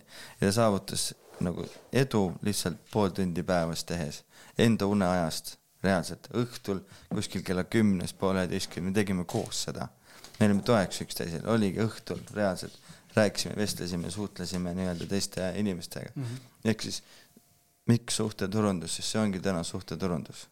ja see täna on turul nagu mingi, ma arvan, mingi kolmsada erinevat ettevõtet Eestis, kus sa võid minna ja teha, aga ma ei ole mitte kuskil tundnud seda, et mind hoitakse, mind hoitakse, mind väärtustatakse see, kellena ma, kes ma olen. Mm. -hmm ja vahet ei ole, mis vanuses ma olen, kust ma tulen, mis ma olen teinud, mind kuulatakse, mulle vastatakse, ma võin küsida sada korda ühte asja, sest see, mis me täna teeme, on täiesti uus valdkond, me ei ole mitte keegi selles professionaalid, aga mis mulle meeldibki selle asja juures on see, et ma ei peagi olema mingi krüptoekspert. Ma ei pea olema mingi plokiahela ekspert, sest täna on see asi, millest ma räägin, on täna tokeniseerimine. ja meie ettevõte tegeleb täna pärisvarade tokeniseerimisega mis on tokeniseerimine, tokeniseerimine täna pärisvarade nii-öelda digitaliseerimine mm. -hmm. ehk siis börs kaks punkt null, ta on lihtsalt täna plokiahela peal. kes ei tea, mis asi plokiahel on, siis plokiahel on loodud selle jaoks, et täna kiiremini andmeid vahetada. on kõige lihtsam selgitus. Et me räägime täiesti inimese keeles, ma ei, ma ei tea sügavuti, mis asi on smart chain, ma ei tea sügavuti, mis asi on plokiahel ja mulle meeldib see, et ma ei peagi olema selle ekspert.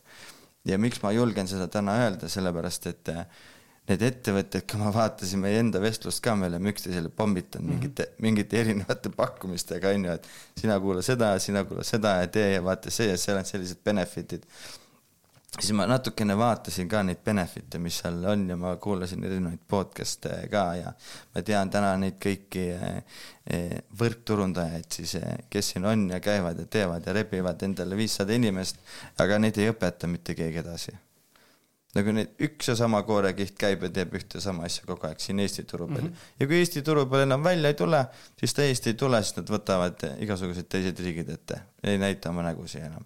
nagu mul on kahju sellest, mul on kahju, et see kultuur, kultuur on nii. meie täna suur eesmärk on see, et seda kultuuri muuta, me oleme seda kultuuri juba täna reaalselt eh, muutnud ja me muudame seda veel rohkem. me ei suru kellelegi mitte midagi, me ei müü kellelegi mitte midagi, vaid meie eesmärk on see, et inimesed oleks reaalselt teadlikult sellest, mis täna maailmas on toimumas. ja oleks keskkonnas inimestega, kellega nad tahavad olla. täpselt, täpselt. et äh, see, see on, see on punkt number üks, et täna see keskkond, sest ma, miks just see keskkond, sest ma tulen ise keskkonnast, kus ma ei sobitunud mm. -hmm. ma tean, mis toimub teistes keskkondades tänaseks on sellest eh, kaks aastat, tegelikult ma ei saa öelda kaks aastat, eelmine aasta september ma võtsin otsuse vastu, kus ma sõber Kareniga hakkan rohkem koostööd tegema, aitäh mu emale, et ta lasi mind eh, nii-öelda seda tegema, sest me tegime kohvikut. tänaseks on ilmselgelt tulemused on näha, kuidas see keskkond eh, mõjutab igatpidi. Ja see, mis me täna oleme, oleme loonud, seda nagu vahet ei ole, mis tooted meil on, vahet ei ole vahet ei ole, kui hea see on, kas mingid tasud on päriselt eh, reaalajas, kas asjad eh, toimivad, siis asjad toimivad, asjad toimivad sada protsenti, palju on olnud, palju on eh, tulemas, aga see keskkond, reaalselt, see keskkond on täna punkt number üks. vahet ei ole, kas sa oled viieteistaastane, oled sa üheksakümne kolme aastane, ükskõik kust sa tuled, tule lihtsalt keskkonda, tule räägi, ta ütleb, et sa ei saa mitte midagi aru, sa ei tea, kus alustada tule, saame kokku, vestleme, ma näitan, kus alustada. ma ei tahagi, ma tahan, et sa oleks teadlik. tule, ma soovitan sulle võib-olla seda Rikas isa, vaene isa raamatut. nii et kõik asjad ei olegi reaalselt kõikide inimeste jaoks. ja, ja see, nagu sa ütlesid ka, et see ei ole sinu jaoks, siis tegelikult eh, soovitusturundus on inimeste veres, sa ei saa öelda, et see ei ole sinu jaoks sest tegelikult eh, kõik asjad, eh, mis on soovituse baasil, on kõigi jaoks. lihtsalt igale inimesele esialgu võib-olla tundub, et ei sobi need asjad, mis nad teevad. aga kui ta natuke tuleb ja keskkonnas ja kuulab ja hakkab seda maailma nii-öelda tajuma, mis on muutumises, kui sa võtad täna kolmkümmend aastat tagasi, sina oled rubla näinud, mina olen rubla näinud, eurot oleme näinud, on ju, krooni oleme näinud. läbi, läbi lutsutanud. Täpselt, täpselt, läbi lutsutanud. Ja, ja tegelikult nuusutanud. Jah. Läbi raha nuusutanud, et see, see, mis, see, mis on tegelikult tulemas, see on katastroof. see on katastroof. See, see on katastroof, mis on tulemas ja inimesed ei hooma seda täna. Et eh, inimesi, meie eesmärk on täna inimesi selle eest eh, hoiatada mm. -hmm. ma ei imesta, kui see podcast eh, sellepärast, mida me praegu räägime, kinni pannakse või siis ära bännitakse, sest kui ei panda, noh, sest, sest mul, sest mul, sest minu Facebook on päris mitu korda ära blokeeritud, sellepärast et ma neid asju avalikult mm -hmm. räägin oma seina peal ja reelsides. ehk siis Central Bank Digital Coin, keskpanga digiraha, mis on, äh, mis võtab inimeste üle täieliku kontrolli on ju täna Hiinas see kolm aastat eh, on juba toiminud, sul ei ole vaja nutitelefoni, sul ei ole vaja mitte midagi, silmapilgutusega saad eh, hakata tulevikus maksma või siis pannakse sulle kuskile mingi kiip mm, -hmm. mis on eh, lähitulevik, räägime siin kümnest aastast, võib-olla käib see isegi kiiremini. koroona oli ju hea näide sellest, on ju, kui mhm. lihtne oli inimesed luku taha panna, harjutada inimesi igasuguseid QR koode kasutama, siis see oli ainult katsetus inimeste jaoks see, kui tuleb see keskpanga digiraha, sa lähed punase tulega näiteks kuskilt eh, üle tee, rikud kuskil seadust, siis sa ei saa, ma ei tea, sõbra juurde minna, sa ei saa lennukisse minna, sa ei saa spaasse minna, sa ei saa mitte midagi teha, sellepärast et sul on bänn peal, sul on sotsiaalne krediit mm. -hmm. seda täna Hiinas juba. Hiinas seda kultiveeritakse kõvasti jah, seda sotsiaalse kredi-, kredibiilsust nii-öelda. respektisüsteem. me teeme, me teeme täpselt risti vastupidi, me anname inimestele vabaduse tagasi, meil on äh, hääletussüsteemid, meil on oma pangakaardid ja nii edasi ja nii edasi, edasi. et täpselt risti vastupidi sellele, mida teeb keskpanga digiraha jah, eks selle info piiramisega on, äh, saan aru, miks seda tehakse, äh, ei poolda seda otseselt. minu saateid on korra piiratud ainult, see oli siis, kui ma tegin, see oli ammu juba, ma tegin, issand, Jaanika ja Asse Saugaga. Jaanika Pärni ei mäleta praegu, Asse, Jaanika Assega tegime sellest äh, MSM-ist äh,. MMS. Sorry, MMS-ist jah, MSM ja MMS-ist mõlemast rääkisime sellest ja siis seal Youtube äh, tõmbas maha video, sest et see sai, ma ei mäleta, see oli mingi nelikümmend tuhat vaatamist mingisuguse paari tunniga vist. ta plahvatas seal mul enda Youtube'is ja siis tuli red flag, et ma olen rikkunud nagu seaduseid, siis ma veel mitu korda üritasin tagasi panna, aga ega seal ei saa, kui märg on küljes, siis ta enam üles ei lähe. aga Facebookis on ta alles ja saatena on ka saadaval, et sealt mingid keskkonnad on, kus täna veel nagu maha võtta ei saa, nii et sellepärast äh, veel muretsema ei pea. sest me liigumegi, liigume ja teemegi täna seda, et inimesed saaks laadida üles neid asju, mida nad päriselt mm -hmm. tahavad mm. -hmm. et ei tuleks mingi Facebook või Youtube, mingid algoritmid ei tuleks. ütlema sulle, mis on, mida võib öelda, mida ei või. täpselt, täpselt. ma, aga jällegi ma saan neist täiesti aru, miks seda tehakse, aga teistpidi, teistpidi on see tohutu, tohutu nagu tsensuur, sest sa ei saa rääkida tegelikult, mis sind ennast tegelikult huvitab lõppude lõpuks. jaa äh,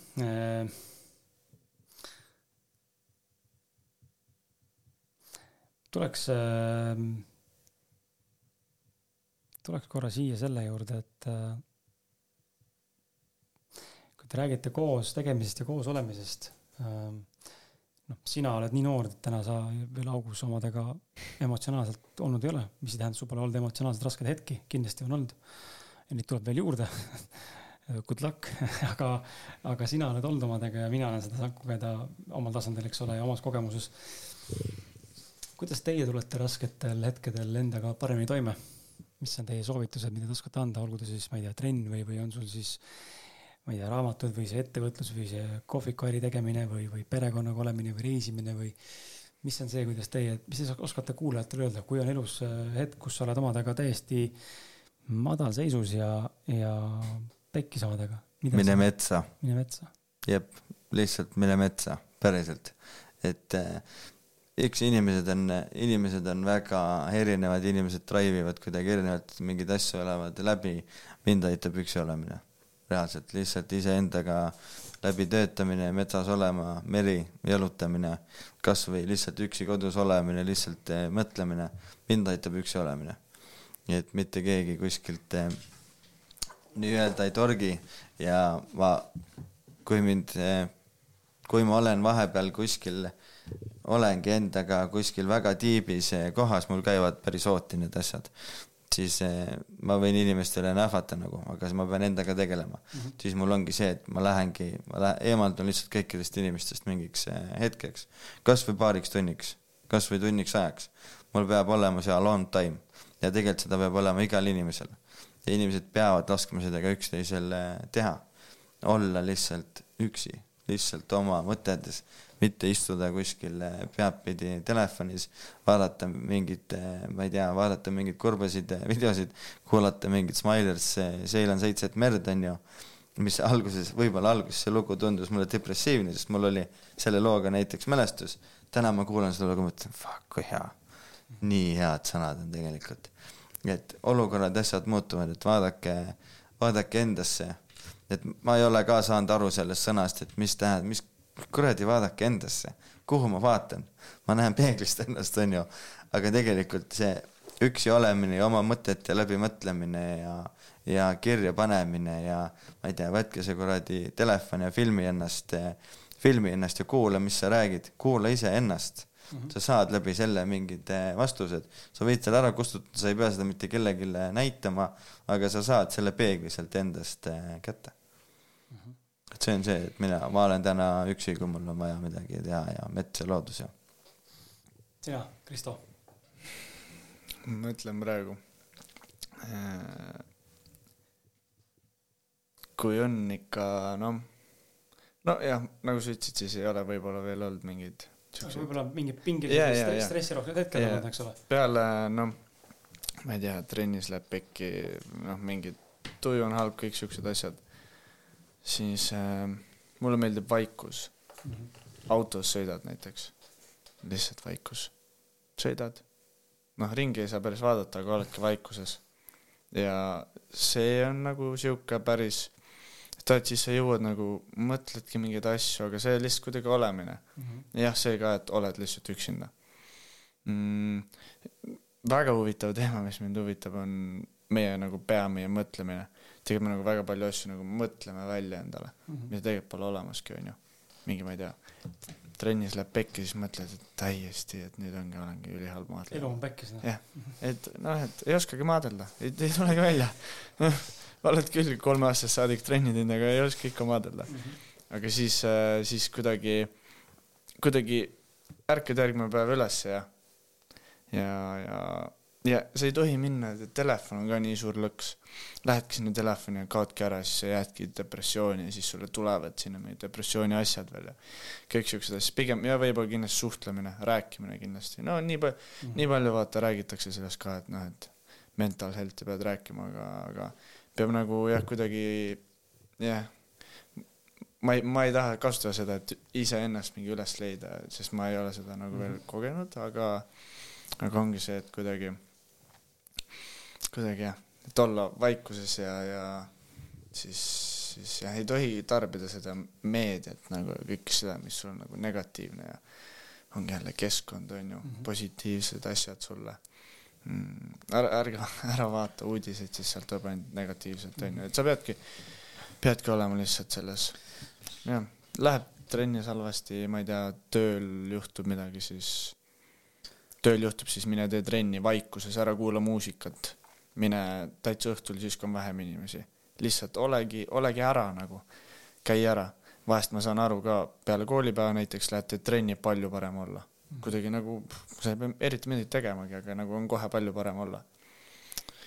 et sihuke füüsiline on jälle mm -hmm. meie ajuga kooskõlas ja kõik siuksed asjad. ja ma tahan selle, selle telefoni koha pealt, ma olen seda iga päev lihtsalt mõtlen rohkem selle peale, ma üritan nii palju nagu võõranduda sellest kui vähegi võimalik. et vaadake, mida te internetist otsite, vaadake reaalselt, mis uudiseid te, te vaatate, mida te sealt Delfist otsite.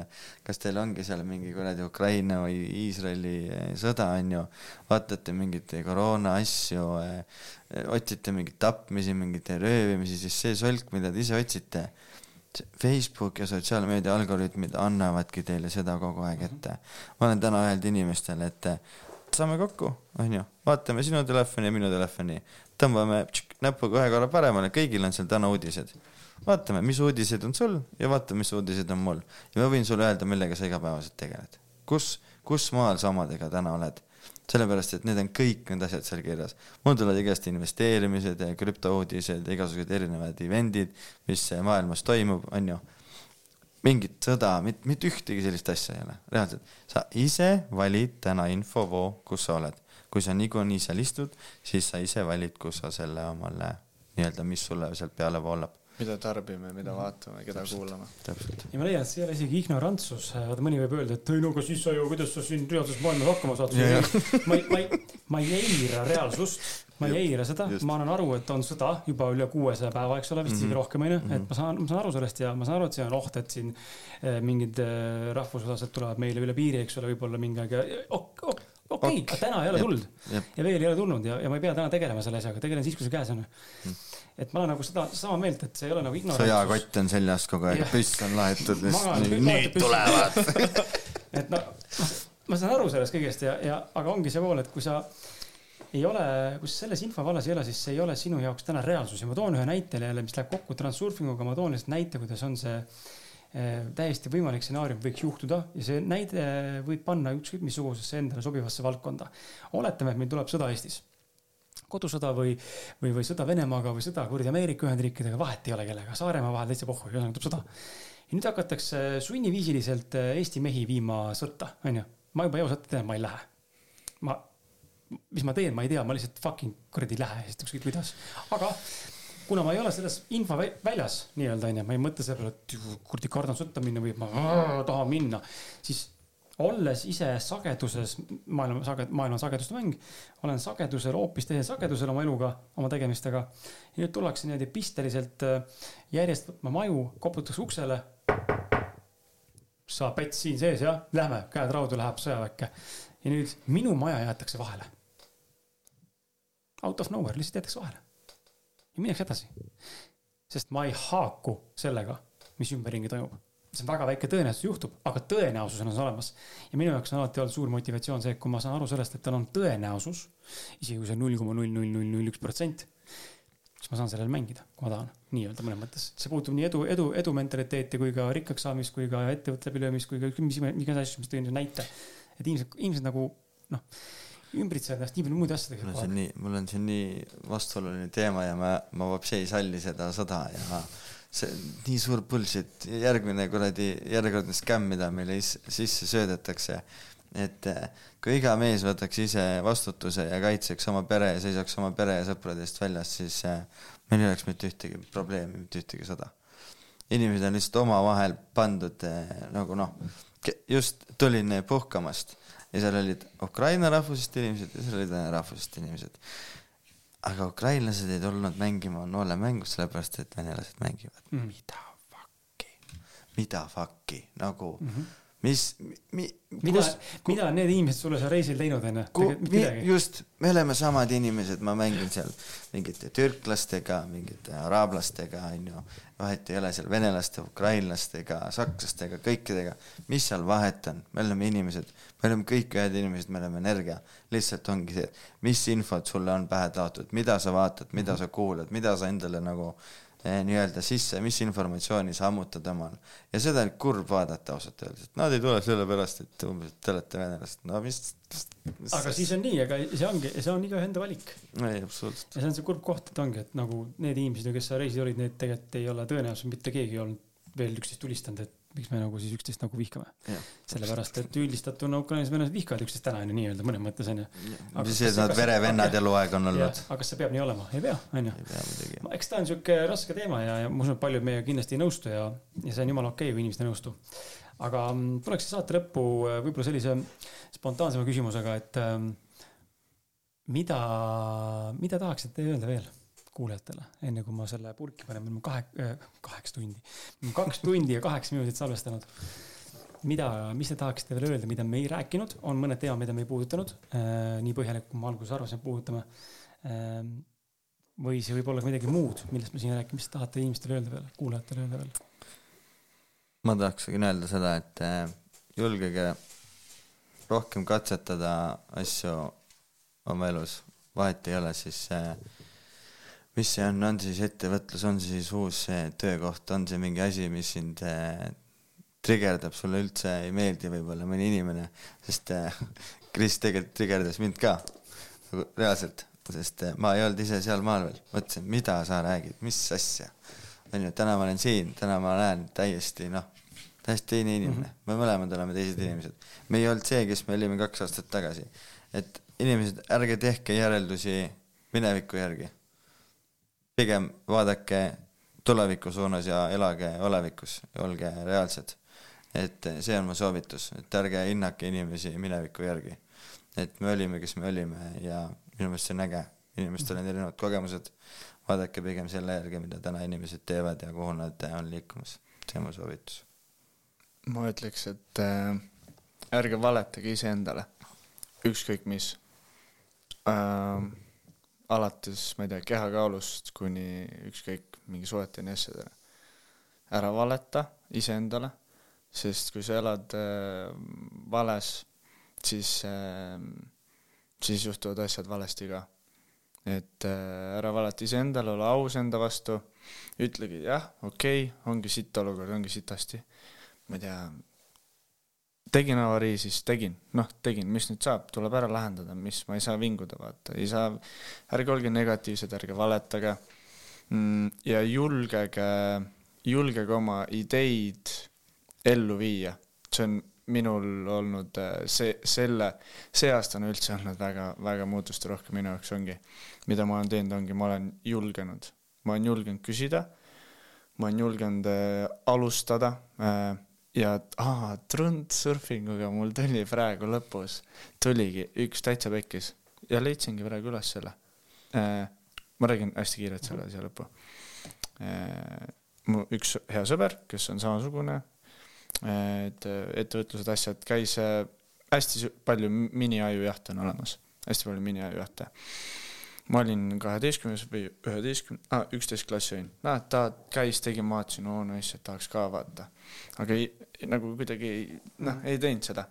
vaatasin ülinais mentorid, asjad on ju kõik ülilahe, täiega meeldis, käisin kuulamas ühikas tema toas seda on ju.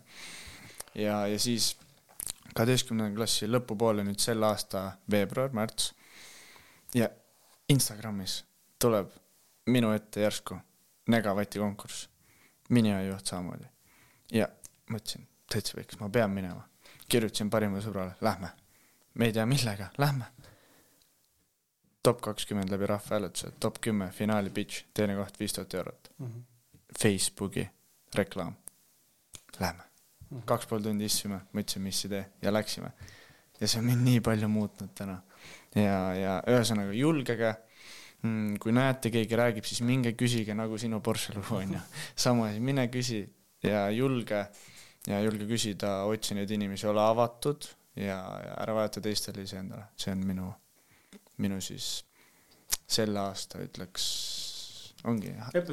jah, hea aasta purki niimoodi. ära karda, ära karda mitte kunagi küsida. usu mind, inimesed on palju avatumad, kui mm -hmm. sa tegelikult ette kujutad, inimesed jagavad oma kogemusi hea meelega. täna on ka, mul ei ole ka mingit ülikooli, mingit kooliharidust, absoluutselt, see kõik on puhtalt inimestega suhtlemisest tulnud. et eh, kui sa tahad kuskilt eh, Delfist omal mingeid teadmisi ammutada, siis palun tee seda, mitte keegi ei keela, aga arvesta sellega, et seal on arvamus, seal mm -hmm. ei mhm. ole fakte mm. -hmm ja halli, mis juhtuda saab, kui sa küsid? mitte midagi. vastus ei, sa lihtsalt kogemuse rikkamaks ja mis parim juhtuda saab, sa saad seda, mida sa küsisid. täpselt, täpselt, täpselt. Ja isegi kui ei saanud, siis sa tead järgmine kord, analüüsid, et kuidas ma järgmine kord sa-, saaks, mida ma saaksin paremini teha. minu arust on see, et isegi kui sa saad ei, siis sa oled juba nagu, see, kui sa oma suu lahti teed, sa oled järgmine, järgmine kord, kui sa suu lahti teed, sa oled palju julgem mm -hmm. ja mhm. ma tundsin seda eelmine aasta mm. -hmm. ja nii ongi. vot äh,, aitäh teile aitäh sulle. aitäh sulle. väga, väga vinge. kaks tundi viisteist minutit, ei ole pikim podcast. Läinud nagu, läinud, aga meil on, aga, lendab, aga meil on veel rääkimata teemasid, aga me saame teha teise Just. osa äh, mina tänan teid, head kuulajad, et äh, kaks tundi ja kohe-kohe viis minutit täis tiksunud, olete ilusti vastu pidanud või noh, vastu pidanud, ma usun, et oli põnev ja nauditav kuulamist, alati ütlen vastu pidanud, see on mingisugune sihuke levinud lause, vaata, et aitäh, et oled vastu pidanud, mis mõttes vastu pidanud, tule põnev oli. sitaks põnev nagu, oli. mida kuradi, noh, mis vastupidamine, noh, kaif on lihtsalt, mul on tegelikult inimesed kirjutanud päris palju ka äh, aastate jooksul. et äh, tahaks kolme-nelja tunniseid episoode. ma ei suuda täna pakkuda seda ise tunneb mul nagu endal läheb lõpuks nagu ebamugavaks sihuke kahe poole pausidega. pausidega võib-olla saaks jah, aga pausidega ma olen märganud ka seda, et kui isegi teha vetsupausi kaob ära vaid. siis kaob ära see vibe jah, et. Äh, sellele on lahendusi. kaob ära see, see zone lõigatakse katki mm. -hmm. et siin ikkagi on praegu mull, on ju, meil endal tehtud see ju. nii on. et Kule, aeg aga..., aeg, aeg lendab, et ise tegelikult ka podcast'i kuulad ja on ikkagi huvitav on, siis minu pärast olgu või kaheksa tundi. aeg lendab, põnev. aeg lendab, täiega põnev on, täpselt. vot, kuulge, aga mehed, vahva edu teile, äh, kus teid leida saab, reklaamida kohad, kus vaadata saab, Facebookid, Instagramid, kodulehed, ettevõtte kohad, kohvikud, asjad. Äh, hõivake välja ja siis paneme purki. Instagram, meil on täpselt samad nimed, lihtsalt eesnimi on äh, teine. mul on mhm. Kristo Meerilain, Remo, Remo, Remo Meerilain. just. panen need lingid ka. Facebook, Instagram ja võib julgelt ühendust võtta Va, mhm. vahetame mõtteid, jagame kogemusi, teeme koos asju mm. -hmm. alati lahe uusi kontakte saada. täpselt täna, täna ikkagi Facebook on, on see turunduskanal, kus eh, toimetame infot, eh, jagame suures pildis. mingid asjad on veel tegemisel, tulevad välja, aga kõike jagame seal Facebooki mm -hmm. lehe peal. et täpselt nagu Kristo ütles, võtke kindlasti julgelt ühendust, kui mingi teema eh, huvitas, tahate sellest vähemalt rääkida, tunnete, et te olete omadega kuskil halvas kohas või ei ole seda tugiisikut, kellega rääkida, siis palun et eh, ma, ma võin vabalt see olla, kui ma sinuga resoneerun, palun, tule räägime, vestleme ja vaatame. ja lähme, lähme lõunatame hernekohvikus. täpselt, lähme lõunatame hernekohvikus. Davai. Davai, tšau. tšau.